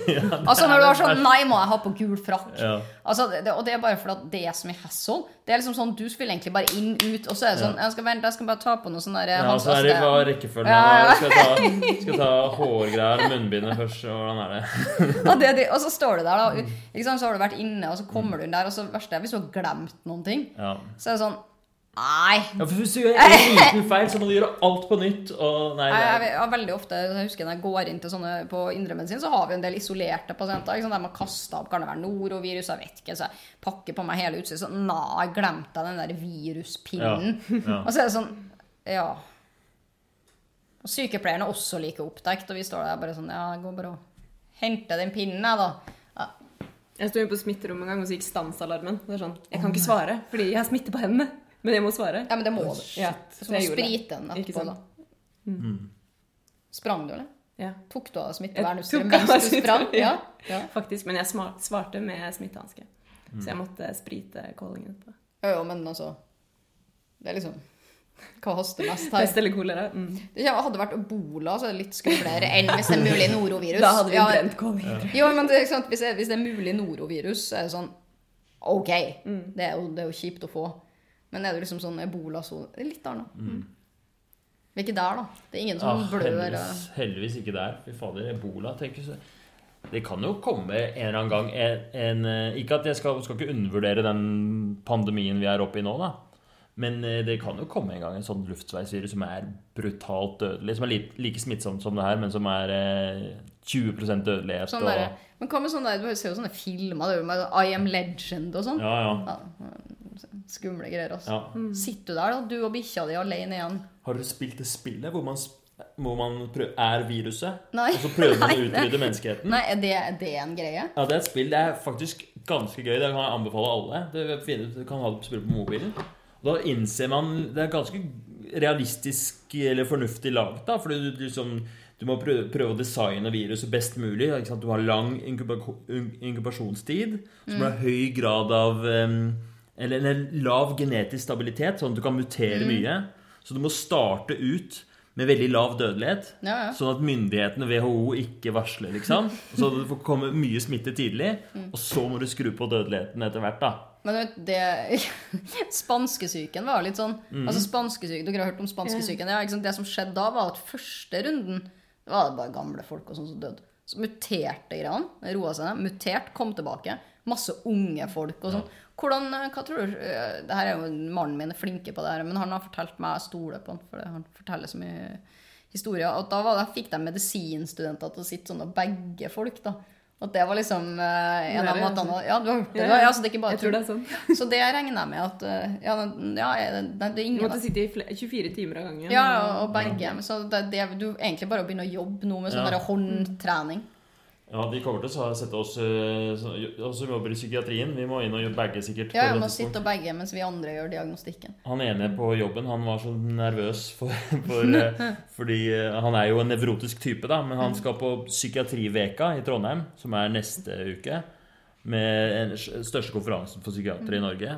Og halvparten av Norges psykiatere er der. Og han var litt Tenk hvis det blir smitte der, så mister vi halvparten av Norges psykiatere. Og så sa jeg at det var det er kanskje ikke den viktigste gruppen av leger, og men eh, Jo, det er ganske viktig, tror jeg. det er faktisk ganske viktig. Det hadde vært full krise. Det er jo altså, vi Er har, det snakk om det, og sånne, sånne medisinske konferanser å Ja. avlyse? eh, Jeg skal ikke det, Man kan jo spørre seg, eller avhengig av utviklinga, vi vet ikke hva som skjer, så er det klart at det å ha store konferanser med mange leger i en veldig usikker situasjon, eh, kan man jo se for seg at man på sikt kan velge at noen sier at det her kan vi ikke ha. Vi må kanskje nødt til å avlyse det. Eh, ikke bare fordi at man skal bli smitta, men fordi at hvis du får så mange smitta som jobber i klinikken til det daglige altså, Ja, så det Ja, det hadde jo selvfølgelig vært en La oss si du hadde tatt ut uh, de karantene i 14 dager. Det hadde vært fullstendig krise, selvfølgelig. Mm. Da hadde det vært mye eh, psykoser som ikke hadde fått Ja, men altså, eh, Psykiatere er jo det nå vi virkelig mangler. Og vi virkelig trenger. Vi trenger flere LIS i psykiatri, vi trenger flere psykiatere. Vi har ikke råd til å miste en eneste psykiater. Altså. Nei. Ikke 14 dager eller tre uker heller. Får håpe det ikke blir noe sånn megakoronautbrudd på eh, i Trondheim eh, neste helg, da. Ja, eller norovirus. Det er også leit. Ja. Det er ikke så mange som går og Ja. bekymrer for, men det er ganske kjipt, det òg. ja. Men så konferanser er, det er ikke det verste. Femmila i Kollen er verre. Der er, er folk mye tettere og Ja, og, og full. Ja. wow! Ja. Ja. Der er det jo en slags sånn dødsrate allerede. På, eh, det, er jo, det er jo livsfarlig, den femmila i Kollen. Så hvis du får liksom en sånn eh, farlig virus på toppen av det hele, så kan det bli skikkelig skummelt. Men det er, er det bestemt at det blir nå? Eller, fordi det var snakk om at det skulle avlyses, og så sa de at det ikke skulle avlyses. Jeg tror ikke det er bestemt. I hvert fall ikke som jeg har sett. Siste jeg har sett, det samme som da. Ja, Men eh, vet du jeg kjenner at jeg begynner å bli sånn tom for viruset. ja vi snakker om noe annet. Ja, kan vi gjøre det? Ja, Altså, det var ikke snakket- meninga, det var egentlig overhodet ikke meningen å snakke om koronaviruset, men det er jo det som er tema nå. Ja, det Men, tema. men la det- oss snakke om hematologi, da. Ditt, eh, ditt hjertefag. Eller har du noe annet du vil snakke om, forresten? Heller enn hematologi? Nei, jeg kan godt snakke om hematologi, men jeg, veldig ofte da, så ender jeg opp med å snakke ganske mye om, om ILF. Men det har jeg på en måte allerede gjort en god del. Jeg, det, altså det jeg alltid liker å snakke om, er jo sånn type hva er det vi driver med, hvorfor er vi fagorganisert, hvorfor er det viktig å være medlem og sånne ting. Men det er en annen sak. Hematologi det er et fag jeg spesialiserer meg i. Um, hva vil du vite? Hva er din favorittilstand å jobbe med? Uh, myelomatose, kanskje? Myelomatose? Kanskje. Ja, kanskje. hvorfor liker du den så godt? Nei, Det er så mye spennende nye behandlingsalternativer. Det har gått fra å være en sykdom hvor veldig mange ble veldig syke veldig fort, hvor vi kan egentlig gi folk mange, mange år med veldig god livskvalitet. Eh, vi har pasienter som er stamcelletransplantert, som ikke har fått residiv etter 20 år. Yes. Det, er, det, er, det er ikke vanlig, det, altså. Men, så det er sånn Ja, Fordi Det jeg husker fra studiet, er at Mm. myelotose er en drittsykdom å få. Det er høy dødelighet, Mm. smertefullt, Yes. får nyresvikt. Mm. Eh, Det, det som skjer, er at uh, Si fra hvis jeg sier feil. B-cellen, plasmacellene Mm.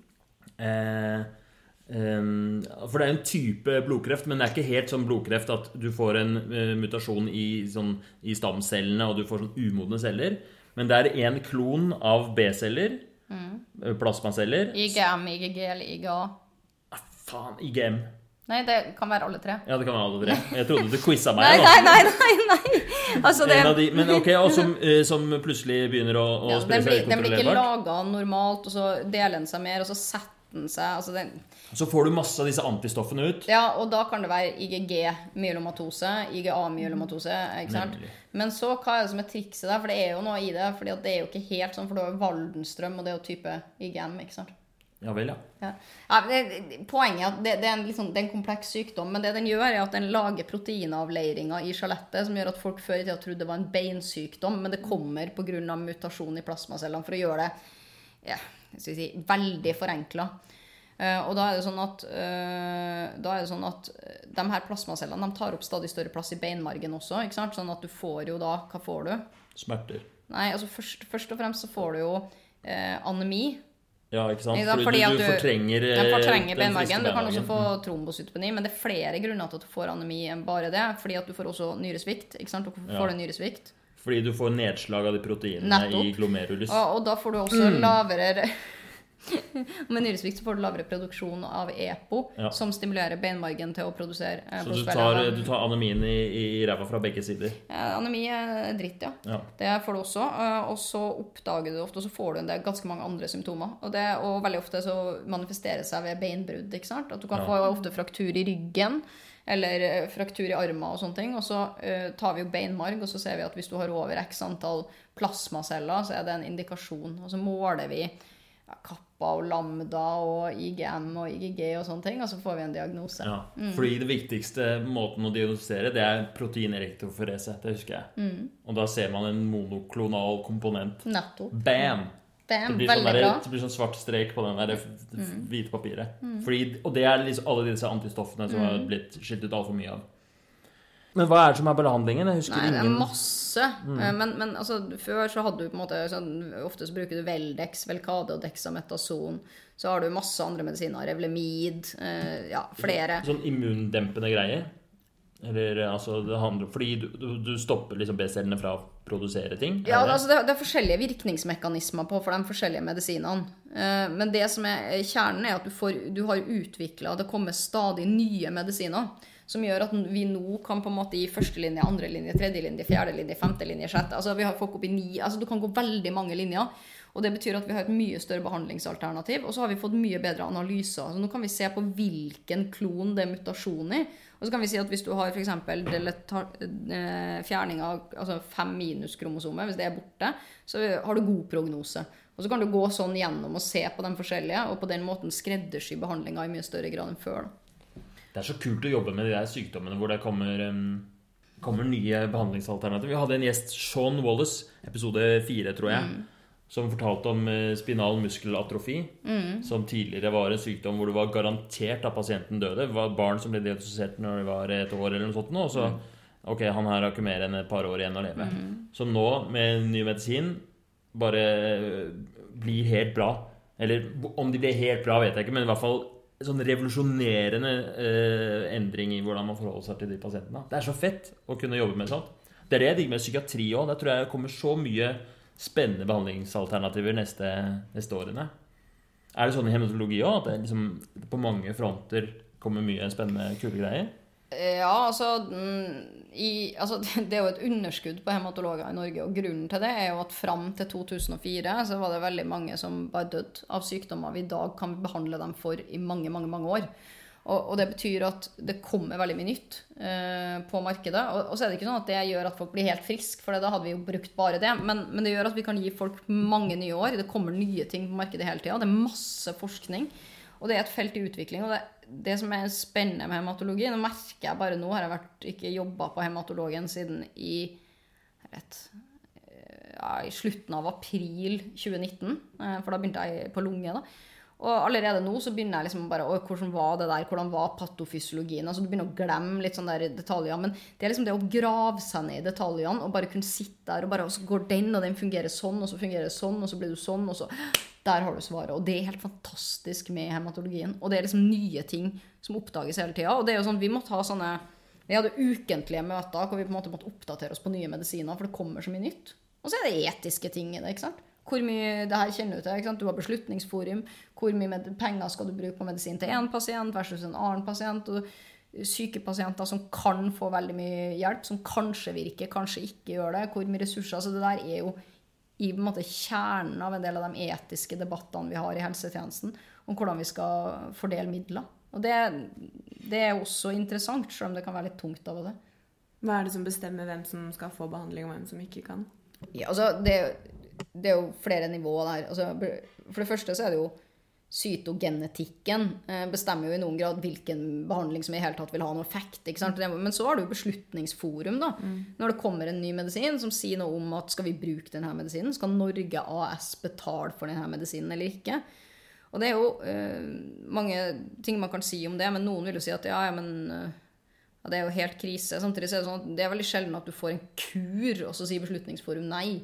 Men det handler om livsforlengende medisiner som kan gi noen et år, tre måneder, og, det, og kostnadene er høye. Altså men, men i utgangspunktet så er det jo hva du trenger, og de fleste medisinene får man jo. Men det er jo alltid noen da som Ja, den funka ikke, den funka. Kanskje den funker. Kan vi prøve den eller ikke? Og hvis det er det det gjelder, så vil du gjerne prøve den medisinen. Og, og det der tror jeg liksom vi som er i hematologien, dem som er i onkologien, eh, og eh, også dem som jobber f.eks. I, i en del, altså kommer nye medisiner på infeksjonsgreier, og der er det vil vi nok, altså avhengig av hvordan ting utvikler seg, komme i en situasjon hvor det her er vanskelig. Eh, Det ene er jo at Beslutningsforum tar jo beslutninger på gruppenivå. Ikke sant? Altså gruppe, og Se for deg at du er en ung pasient får en sykdom som stort sett rammer eldre folk. Ja. Og så har Beslutningsforum sagt nei til en medisin basert på at en stor gruppe eldre folk ikke har effekt av den. Da gjelder det for deg òg. Det føles urettferdig, ikke sant? Det gjør jo det. Og så, man, så skal man ha rom for individuelle vurderinger, og samtidig så spør man hvor reelt er det altså, Det er kjempevanskelig, fordi de gangene politikerne prøver å prioritere, altså når man lager sånne kriterier, quali, levealdersjusterte år og sånne ting, så prøvde man å sette inn alder som et kriterium, og da var alle sånn Nei, det går ikke an. Og da er ikke alder et kriterium. Ikke? Mens de fleste vil jo si at det er mange som er høyt i alder, ikke vil tåle medisinene like godt som en yngre person. På en annen side så kan du si at hvis vi skulle ha fulgt de reglene vi har nå da, for prioritering i helsetjenesten, med Collie og sånne ting, så ville dialyse aldri blitt innført. For du får ikke nok leveår igjen i forhold til den prisen på 750 000 i året. eller noe sånt. Det er jo litt absurd å tenke på at med de beregningene vi har i dag, så ville man ikke hatt råd til å innføre dialyse. Dialyse er et spennende tema. Er det ikke USA hvor de har sånn enorm, enorme mengder med nyrepasienter på dialyse? Det er en sånn der svær det er sånn business, da. Det, det, er det. Med, sånne dialysesentre. Hvor- Ja, det har det de er så mye mindre Det er færre, mange færre som får transplantasjon der enn i Norge. Så du har enorme mengder med folk med nyresvikt som bare går på dialyse i, i år og dag. Det er ganske tøft, da. Det går hardt utover arteriene. Og altså, Ja. det er jo en ganske hard behandling. Ja, nei, det, Og det er ganske du- fælt å være så syk og ha så alvorlig nyresvikt. Ja, nei, det er kjipt å ha dialyse, tror jeg. Du tror det. Ja, jeg vil, jeg vil gjerne ha en ny nyre hvis det går, går skeis.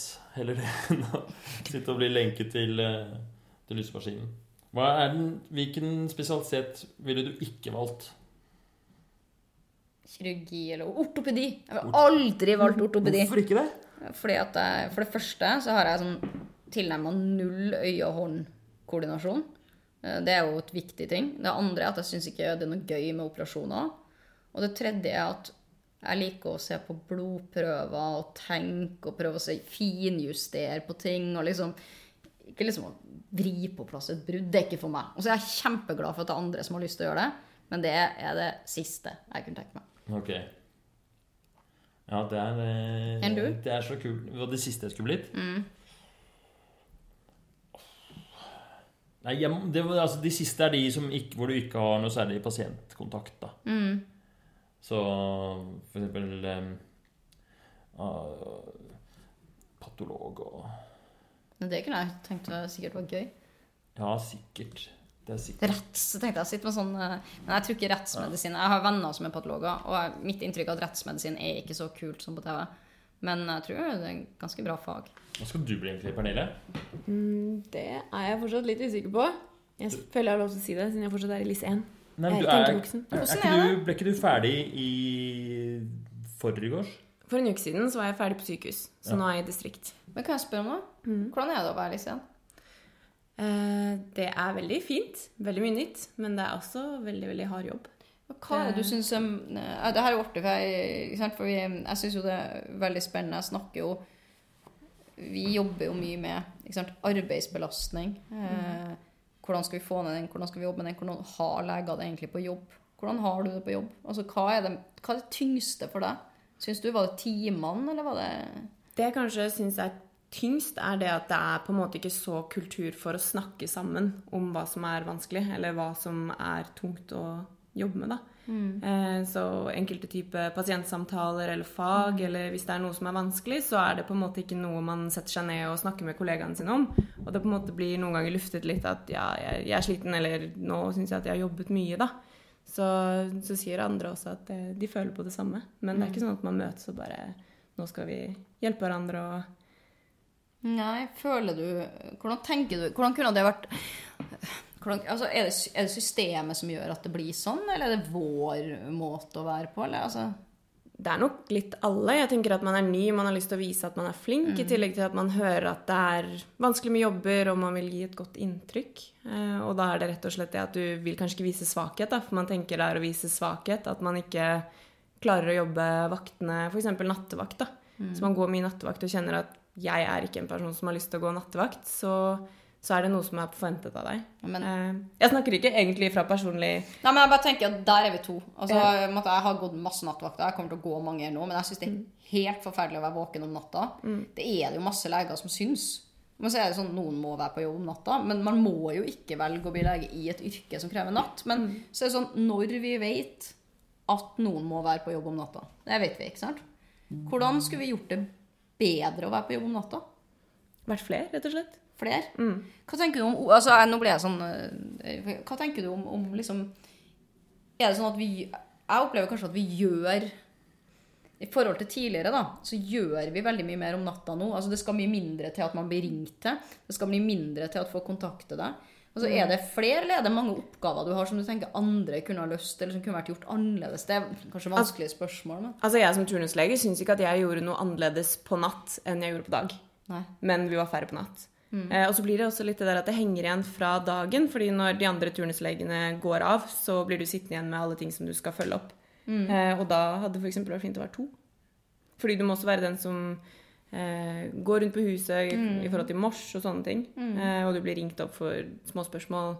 Sobriklone, Sobril. Og at alle disse tingene tar veldig lang tid. da. At du ikke avklarer det i løpet av dagen, f.eks. Jeg har en oppgave som, eh, som ikke hadde trengt det å gjøre av eh, vakthavende lege. Det er å operere ut eh, pacemakeren på Mors. Ja, hvorfor må du gjøre det på natta? Det måtte jeg gjøre på mamma natta. Første nattevakta mi på Vet du hvorfor du må gjøre det? student i Nei. Eller jeg vet hvorfor jeg må gjøre det. Det er fordi den ikke skal inn i krem... Ja, ja, altså, jeg skjønner ikke, men Hvorfor må du gjøre det på natta? Nei, det vet jeg ikke. Nei, ja. Kunne jo vente. Ja, men det er ikke plass. Sant? Vi bygger jo sykehus altså, altså, eh, Det her er jo en av mine kjepphester. Altså, vi bygger jo sykehusene våre så små at vi må drifte 24 timer i døgnet som om det var dagtid. Det gir noen kjempeutfordringer. For eksempel, det betyr at overlegene ringes nå mye mer inn på natt. ikke sant? Fordi at man må operere ting om natta, fordi operasjonsprogrammet er fullt dagen etter bestandig. Stappfullt. Det betyr at den legen som har operert om natta, kan ikke være på jobb dagen etter. Altså vi får, Og det har følgeeffekter. På sykehuset mange ganger så har vi jo folk liggende i akuttmottaket, stappfullt på sykehuset, som venter på en plass. Og da har jeg mange ganger stått i mottaket, og så har vi en turnuslege som sier sånn Vi ringer på et mors. Vi har masse dårlige pasienter i mottaket. Egentlig så burde jo det morset vente. Men så vet vi at hvis du går og ser til det morset, så kan de flytte ned i kjelleren. Og da kan vi få én person opp på post. Altså skjønner du, Det er hele tida en avhengig, for vi har rett og slett ikke kapasitet til å være effektiv. Ja, nemlig. Så du har ikke Selv om en pasient har daua, så er det sånn at vi trenger den sengen så intenst at vi må bruke masse tid på å få Altså, skifla du kan han ned spørre, da, i men altså, hvis du har øh, sånn som jeg opplever ofte, at du har liksom øh, I hvert fall jeg jobba jo på Kalnes, når jeg jobba på Ahus og Kalnes. Det er ganske sykehus som er for trang. Altså, Det tar det noen år før myndighetene innrømmer det. Og de sier de jobber på nye, men nei, vi gjør ikke det. Det er for trangt. Ikke sant? Ja, men du skal jobbe på nye med åtta. Ja, vi prøver jo, men altså, dem som kommer, kommer. Eh, og da er det sånn at det er for trangt, og det gjør at mange ganger så er det sånn at du har f.eks. fire på korridor. da, på hvert, altså På Karnes hadde vi perioder hvor vi har tre på hvert tun. sånn Ni korridorpasienter på en avdeling. Og så er det sånn, Den ene ligger og hoster, den ene har vondt, den får ikke sove. Og sånne ting, og så har du flere i mottaket som skal inn.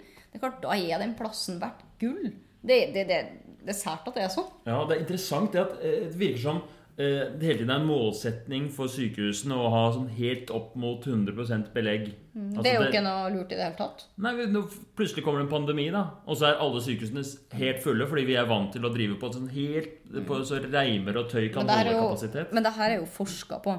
Altså, hvis du har gjennomsnittlig 85% belegg, så har du mulighet til å ta noen topper. Neppe en full pandemi, men altså influensatoppen og sånne ting. Eh? Det er jo absurd. vi måles jo på liggedøgn, og så vet du? Hvis du får en sepsispasient, en relativt dårlig infeksjonspasient, men som ikke er sånn septisk sjokk, men som kan ligge på post, da, så må du starte rett antibiotika, må du se at den funker, før du kan skrive ut pasienten. Så har vi mål med liggetid på tre dager, og så vet du at du kan ikke vite på de pasientene om de egentlig er i bedring for etter fire dager. Altså, sånn, hvorfor er det et mål å få ned liggetida så mye at sykehusene åpenbart blir full? De er full, men problemet er jo at vi får jo ikke penger til å bygge sykehus. Du må ta det over driften. Altså Hele investeringsmodellen er feil. Så det betyr at hvis du skal få, få lov å bygge et nytt sykehus, så må du nødt til å spare penger og gå i overskudd, og så kan du få et lån som du må ta tilbake med mer effektivisering. Og hvem er det som betaler for det? Det er, jo, det er jo mindre pasientbehandling, det. Så sier de sånn, ja, du kan effektivisere. Ja, vi kan jo prøve. Vi prøver jo å effektivisere. Og vi har jo, helsetjenestene har jo virkelig effektivisert seg, men allikevel så er det sånn Det er en pleietung, det er en personaltung organisering. Eh, vi klarer ikke Altså, folk har behov for å ligge på sykehus, men vi bygger som om? Du sier f.eks. ja, du skal, du skal ligge inn to dager, så skal du over til kommunen. Så sender du pasienten ut i kommunen. Så har kommunen ikke ressurser, kapasitet, ingenting til å følge opp på den måten. Og heller kanskje ikke kompetanse til å følge opp de tingene vi vil. Hva skjer? Så får du fastlegekrisa. De er helt overarbeida, for de skal følge opp kreftkontroller og alt mulig. Så hele systemet Altså, hele systemet kjøres i grunn av at man Altså, På Kalnes hadde vi jo episoder hvor vi hadde leger som kun gjør poliklinikk, men vi hadde ikke noe rom de kunne sitte i og ha poliklinikk. Da reduserer du inntjeninga òg, fordi man sparer seg til fant. Helt splitter nytt sykehus, og så er det for lite. Jo, og det tok jo en stund, for vi gikk jo ut før det var bygd, og etter det var bygd, og så sier liksom nei, det er ikke for lite, nei, det er ikke for lite, nei, det er ikke for lite. Og til slutt, da, ikke sant, når de sa vi skal ha null korridorpasienter, så begynte de å kalle det bufferpasient isteden. um, når vi da på ett år hadde 3800 stykker på korridor, så var de sånn ja, vi har jo en del på korridor, da. Men så, så, sitter så langt inne, fordi jeg tenker jo at fra myndighetshold så er det sånn, nå er det jo skrevet en sånn rapport om Kalnes da, som kommer ut hvor man evaluerer bygget. Jeg tror også der så holder de litt tilbake på å si at det er for lite, som jeg forstår det. Og det handler jo litt om at hvis man sier det, så må man jo også si at da må vi bruke mer penger på å bygge større sykehus. Og det på en måte vil man jo ikke, fordi man har jo bompengeoppgjøret. Hva er det? 20 milliarder på ti år.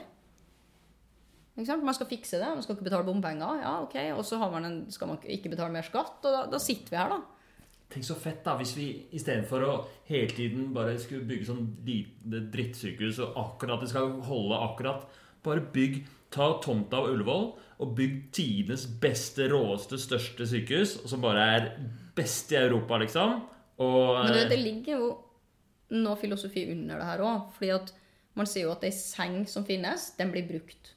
Så man har en idé også om at hvis man bygger flere senger, så blir de brukt. Og i, i noen grad så er jo det sant. Og så kan man diskutere er det sant fordi folkene faktisk trenger å ligge på sykehus, som kanskje vi vil si. Ja. Så vil noen andre si at ja, men uansett hvor stort du bygger, så vil det være et utømmelig behov. Og det er liksom en illusjon, da. Bygge enormt sykehus, dritbra, og så har du i tillegg sånn egen avdeling for å Ikke for å innspare, men for å bekjempe overbehandling. For det er også et kjempeproblem at vi samtidig har overdiagnostikk og overbehandling. Og, så får vi det, tror du? Det er fordi eh, Jeg aner ikke. Har du noen teori på det? Det er jo Nei, altså, fordi vi ikke er gode er nok, da. Det Nei, fordi jeg er ikke helt enig. det er, altså, hvis, eh, vi, det er jo en sånn teknologisk og, og sånn utvikling som hele tiden driver oss til å Vi har muligheten til å gjøre mer. Men ofte de sånne feilene som fører til overbehandling, er jo, kommer av kanskje at man ikke er erfaren nok, eller at man liksom ikke har eh, Jeg tror det handler om mangel på tid og ressurser. Altså, da, Ja, ikke sant? At man Fordi- ikke har mulighet okay, til å ta deg gode beslutninger. da Ja, men så se for deg nå, Hvis du vet at operasjonsstua er full neste dag, du skal ha kortest mulig liggetid, pasienten kommer inn på natta, har vondt i magen, men ikke, ikke sånn bretthard buk eller sånn akutt, men ok, Da fyrer du av en CT. Hvorfor det? Jo, for da har du diagnosen mye tidligere, så kommer du videre i Mm. løpet mye fortere. For du har ikke tid til å vente, for du har ikke plass til å ha pasienten liggende inne. To, du har uh, ventelister. De skal ned, de skal ned, de skal ned. Og selvfølgelig, vi ønsker jo at ventelistene skal ned. Så setter du opp fordi du har liksom problemer med å få det her til å gå opp. Du skal ha, opp, eh, du skal ha kirurgen til å stå opp operere hele dagen, så man ikke får uh, venteliste på det. Så setter du LIS-legen alene på poliklinikk, og så er det ingen å konferere med. Og den LIS-legen gjør det eneste rette. Og det er å sette opp pasienten til en ny kontroll fordi de ikke er helt sikre på det de ser. Fordi man ikke har råd til å ha en supervisør, eh, supervisør til stede. Det vises ikke i budsjettet sånn, på lønn og sånne ting. Men det blir sykt dyrt over tid. Ja. Og det gjør at det at vi har dårlig tid, gjør at vi gjør masse for å garde oss. Jo mer trøtt jeg og sliten jeg er på vakt, jo lavere er terskelen for å ta en ekstra prøve for ikke å misse Ja, noen ting. Fordi du er sliten! Jævlig godt. Det ser jeg i, i, i psykiatrien òg, ikke sant. Det, Ja, ja. Man kunne ofte når du snakker om vi må ha mindre tvang og mindre Ja, ja. medisinbruk og sånt nå, så er det jo fordi vi må avklare pasienten og få den ut dritfort. Yes! Så da må man bare pøse på med antipsykotika bare få dempa. Men hvis man eh, hadde hatt god tid, så kunne man liksom sett ting an og jobba med miljøtiltak og latt ting gå liksom sin naturlige gang. Og så kanskje man kunne i, brukt mye mindre medisiner, f.eks. Og så tenker man at det blir, ikke sant, at det Og så er det ref til den Pernille Brusgaard-episoden som var her om, om overbehandling. Altså Hvis man må først bli skrevet ut av sykehuset med en eller annen medisin ja, Ja, du har fått i sånn hui og hast på en tredagersinnleggelse, så står du på den medisinen i 40 år. Mm. Så kommer du på sykehjem 78 år gamle og har et eller annet sånn kjempeproblem med noe demens og kognitiv svikt. Og så plukker de av den medisinen, så ser de oi, den medisinen har faktisk vært eh, til skade for pasienten de siste 30 åra. Mm. Men så har de jo kanskje også den effektiviseringen av fastlegene. da, At de henviser mye mer til sykehus, ikke fordi de ikke kan snu pasientene, men rett og slett for kapasiteten. Ja, altså, også, jo altså, Det man sier at tid ikke sant? Man sier at ja, ok, vi har så, vi har så Det ville koste så mye hvis vi bruker lengre tid på å se an ting. Men jeg er ikke så sikker på det. For jeg tror det at vi på en måte jobber som hamsterhjul, akkurat som du sier Hvis fastlegen ikke har tid til å se ting an, og ikke tør å se ting an, ikke har ryggdekning, så vil de da henvise en ekstra gang til sykehuset for å være sikker. Ikke sant? Og så oppi det her så har man forventningene som kommer i om at man sier at sant? Det er pasientens helsevesen, og, og alle er jo enige i at pasienten skal få kjempegod behandling. Men så er det liksom den forventninga om at du skal få alt der og da, og det er en redsel for å gjøre feil. Og man har egentlig ikke den tida til å se. Så det er nok en blanding av dårlig tid, en redsel som også dreier seg om den kulturen og det samfunnet vi lever i, og forventningene vi har som eh, Kanskje som, som folk, da. Eh, og så i tillegg til det, så er det klart at hvis man eh, Hvis man i tillegg til det man er nødt til å avklare ting på kortest mulig tid fordi de skal ut så tidlig, så kan man på en måte ikke ta seg tid til å se ting an. Og hva er det pasientene etterlyser? Mer oppfølging. Mer oppfølging, mer tid til å snakke med legen. Ja. Men vi bruker jo så mye. Du springer gjennom visitten for å raske deg tilbake på plassen din. Så du skal skrive så mange epikriser som mulig for å få folk ut før klokka tolv, sånn at sykehjemmet får beskjed om det. Og så skal du gå og dokumentere til neste dag, kanskje begynne på neste dags epikrise. Folk kommer inn og ut, inn og ut hele tida. Så det du egentlig ender opp med, er at du bruker mye mer legeressurser. For det, det tar mye mer legeressurser å eh, bruk masse tid på dokumentasjon, og så kommer det økte krav til dokumentasjon hele tida. Jeg syns jo folk sitter og dokumenterer seg i hjel. Mm. Og bruker så mye tid på det at vi ser jo nesten ikke pasienten, og så lurer man på hvorfor de ikke tar medisinen rett. Du har ikke tid til å prate med dem, egentlig. Du kan liksom inn og si sånn Ja, går det bra i dag? Ja, ja, jeg skal gå videre. Så Og det er jo derfor vi ble leger, fordi vi har lyst til å snakke med folk. Og hjelpe dem, ikke sitte og skrive. Nei, og så er det vanskelig, for man si sånn Ja, skal man ikke dokumentere? Jo, man skal dokumentere. Men hvis du skal bytte ut et hofte, og du må fylle ut tolv skjema, så er det sånn Er det virkelig nødvendig? Er det virkelig det vi skal bruke tida vår på? Så vi har for trange sykehusbygg. Og så har vi ikke, og det er ganske viktig, så har vi ikke lenger helsesekretærene, som gjorde masse av det arbeidet vi gjorde før. Altså sånn papirarbeid og støtte merkantilt personell, for man trodde at teknologien skulle fikse det. Og så investerer man i dårlige IT-løsninger, så man får ikke hjelp der heller. Og de tre tingene som her er helseøkonomene på UiO regna på. Fantastisk. Hvis vi investerer i måter til å gjøre leger effektive, og det vil si avlasting på merkantile oppgaver, store nok sykehusbygg og god IKT, så får man ca. 15% økt legebehov. Hvis man ikke investerer og fortsetter sånn som i dag, så øker behovet med 30 De legene som kommer inn der, de burde ikke være Den veksten kan ikke være i sykehus, den må være i primærhelsetjenesten. Sånn at vi har et ansvar for å gjøre det her, men fordi ting ikke vises på årets budsjett, så blir det ikke prioritert, og så blir det dyrt. Hva tenker du om å overføre oppgaver fra sykehus til fastlegene? Og fastlegekrisa? Altså, Jeg snakker jo masse med allmennlegene, så jeg kan jo si at det dem mange av dem sier at det kan godt hende at vi kan ta mye oppgaver. Men de må ha rammebetingelser og være mange nok til å kunne ta de oppgavene. Altså, Lederen av AF han sier liksom at det er jo ikke sånn at ikke vi kan kontrollere pasienter mm, etter kreft, f.eks. Men det er klart at da må vi ha tid til det. Og fastlegeord fastlegeordninga er jo ikke organisert, f.eks. De har jo ikke en innkallingsfunksjon, sånn som på poliklinikken. Så når vi på sykehuset skriver sånn um, må innkalles til blodprøvesjekk over helga. Men det funker ikke sånn. Legekontorene funker. Pasienten må selv ta kontakt. Og hvis pasienten er så syk at de ikke klarer å ta kontakt med legen, så må man ha et annet opplegg rundt. Så jeg tror ikke problemet kanskje bare oppgaveoverføring, men det er virkelig et problem at de ikke øker fastlegeandelen, altså flere leger inn, når man får så mange oppgaver. Og så tror jeg kanskje ikke kommunen nødvendigvis alltid har den kompetansen som skal til for å ta over de pasientene som skrives ut nå. For de skrives ut veldig tidlig med ganske stort oppfølgingsbehov, så det, det er en utfordring. Men er det det som er fastlegekrisa? At de trenger, mer, de trenger bedre rammer? Altså det de trenger, altså, hva, skal si, hva betyr bedre rammer? Så sånn, ah, de vil ha bedre betalt. Nei, Altså Poenget er at hvis de skal kunne følge opp pasientene de har nå skikkelig, for de er mye sykere enn før, så må de ha færre det, det grunntilskuddet de får, må de få for færre pasienter, sånn at de kan ha bedre tid per pasient. Og så må du ha flere fastleger å fordele arbeidsbyrden på. Og så sier noen sånn Ja, men kan ikke, kan ikke du avlaste med å gi det til en annen yrkesgruppe? Men problemet er at sant, hvis du sier sånn, ja, men en, en sykepleier eller en optiker eller, altså, kan gjøre mye, noen av oppgavene, så er det sånn, ja, men informasjonen sitter jo fortsatt hos fastlegen. Så må du sende den via via, og du blir ikke kjent med pasienten, det blir fragmentert. Så behovet er jo å få flere fastleger, rett og slett. Og, og når politikerne snakker om å avlaste fastle fastlegene, fastlegene, så snakker de liksom om å ta fra dem legeoppgaver. Mens vi, bare, men vi drukner jo papirarbeid.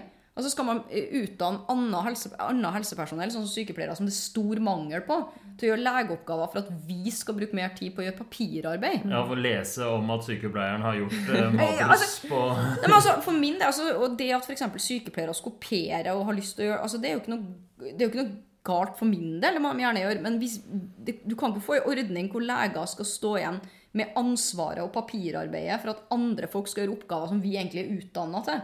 Vi må jo avlastes på ting vi absolutt ikke trenger å gjøre. I en privat bedrift da, så vil du aldri ha satt den legekompetansen til å gjøre masse oppgaver som andre kan gjøre. Altså, det, det, er helt, det er jo en dårlig bruk av ressurser. Og hvis du ser nå, da, i sånne situasjoner som nå, eller i framtida når vi får flere eldre, så må vi på en måte Vi må jo nettopp settes til å gjøre om oppgavene bare vi kan gjøre. Eller i hvert fall mange oppgaver. Noe oppgaveglidning vil det være, men det er noen oppgaver som vi skal gjøre.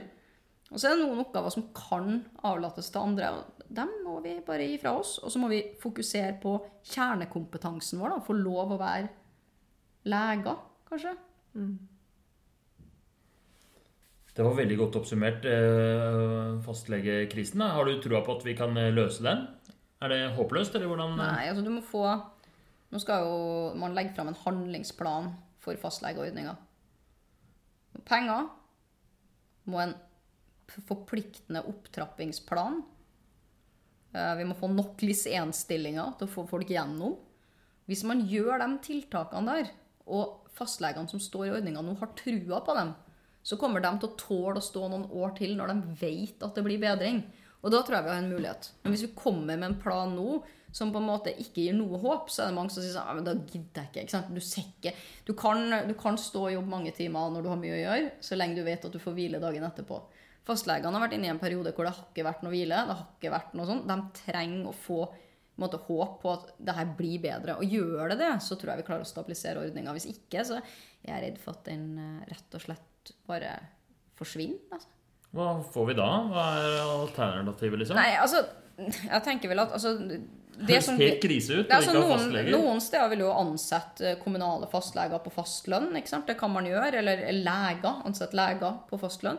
Noen steder så vil jo fastlegene si opp avtalene sine og begynne privat. Være helprivate leger som ikke får noe Altså, det vil være mange sånne ting. Men det du ikke vil få, er jo den der, det fastlegen gjør i dag, som er utrolig viktig. Som er en blanding av en på en måte kontinuitet og også en som har en slags portvokterfunksjon. Da. Og det, med det mener ikke at målet er å stenge folk ute, men å sile ut det som er viktig fra det som ikke er viktig. Og hvis det forsvinner, kan du tenke deg hvordan det blir i akuttmottaket på sykehus. da? Det er det mange land som har. Da er det sånn 13-14 timer ventetid. Du kommer på akuttmottaket fordi du har flis i foten og vondt i øya og sånne ting, og det er mye dyrere. Du skal ha spesialisthelsetjenesten til å se på alt. Det er jo, da kan vi begynne å snakke om at vi trenger større sykehus. da. Men fastlegeordningen er jo et veldig sånn unikt norsk konsept, da. Sverige holder jo, håper jo, Svenske legene krever jo å få det nå. Kjempebra. Men ja, det er det. Det er jo noe vi er stolt av og burde støtte. Ja, det er jo, det er jo Eller trenger. Vi, vi, ja, sånn. men altså, vi trenger det, og så kan du si sånn Ja, man kan jo avlastes med, med andre alternativ og sånne ting. Men en av kollegaene som sitter i sentralstyret i Legeforeninga, Marit heter hun da, hun fastlege Kautokeino. Det er ikke noe, det er ikke noe Aleris der. Det er ikke noe doktor Drop-in der. ikke sant? Det er ikke noe alternativer til det at du har en fastlegetjeneste som er lik for alle i hele landet. Jeg tror det der er sånn det er utrolig sånn sosialdemokratisk godt tiltak. Det er litt sånn som enhetsskolen. Det, litt, det har litt samme effekten. Det, det måte utjevner helseforskjeller, gir redusert dødelighet, og vi, vi trenger det. Og, og alternativet tror jeg vil bli en mye mye mer fragmentert helsetjeneste. Og ja, Det skremmer meg egentlig litt, hvis ikke vi får det der eh, opp og gå. Kan du, siden vi skal avslutte snart, da, si noe som ikke skremmer deg, men som gir deg håp? Og, eller hva er det liksom, som er mest sånn inspirerende du, du jobber med for tiden? det, det meste Det høres sånn klisjé ut.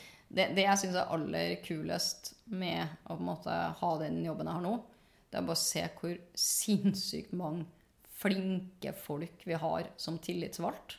Og hvor utrolig mye flinke folk vi generelt har. Da. Altså, I dag så hadde vi sånn valg til Eller vi gikk gjennom en liste med folk som stiller til kandidat sånn varaposisjon for eh, etisk råd for leger. Og det var så gode kandidater at jeg var sånn Hvordan er det mulig å velge? Eh, det samme er å se de tillitsvalgte ute hos oss, da, som bare folk som jobber klinikk. Og i tillegg til det så tar de på seg et tillitsverv og står der i front liksom sammen med medlemmene og bare sånn nei, og hjelper dem gjennom å støtte opp og drøfte tariffavtaler og sikre arbeidsforhold. Det, altså det sånn, hvis jeg skal si noe, så er det det å liksom få enda bedre støtte til de tillitsvalgte og liksom dytte dem opp og fram. da. Det, det gir meg håp når jeg ser hvor mye bra folk vi har, egentlig. Vi er jo uslåelige, da, hvis vi bare slår oss sammen. Klarer å jobbe, dra litt i samme retning. Fy Søren. Ja, det var, det var helt perfekt. Eh, tusen takk for at du har eh, stilt opp da, på tidenes lengste intervju. Det var veldig gøy å høre alt sammen. Hva, hvis folk eh, Nå er jo du ganske pressa på tide, hvis folk har kommentarer eller spørsmål, eller har du noe sånn eh, Som tenker at de skal sende meg mail. Ja, eller hvis, hvis de vil følge med på hva du driver med og sånn, har du noe Ja, så følg med på hva jeg driver med, så har jo ikke jeg, har jo ikke min egen Vi har jo YLF sin Instagram, da. Ja. YLF sin Twitter og YLF sin Facebook-side. Og ikke minst YLF sin eget nyhetsmagasin som heter yngreleger.no. Ok. Så det er jo på en måte de tingene jeg har fulgt. Jeg har ikke en sånn der følg kristin.com, det er følg YLF. For det, det er dem jeg representerer. Eh, Og hvis det er noen som har konkrete spørsmål, så kan de jo alltid sende meg en mail, da. Fantastisk. Da Den mailen finner de sikkert på nettet hvis de vil søke. Ja, så det ligger på Legeforeninga sin hjemmeside. Tusen takk til dere som hørte på. Takk til deg, Pernille, som har da eh, debutert som, eh, som medprogramleder. Takk for at vi fikk være med. Det blir ikke siste gangen. Så bra. Ok, alle sammen, ha det bra! Ha det! Ha det. Takk for nå. Vi er Medisinstudentsnap. Følg oss på Instagram. Der har vi quiz hver dag og mye annen medisinsk moro. Ha det bra!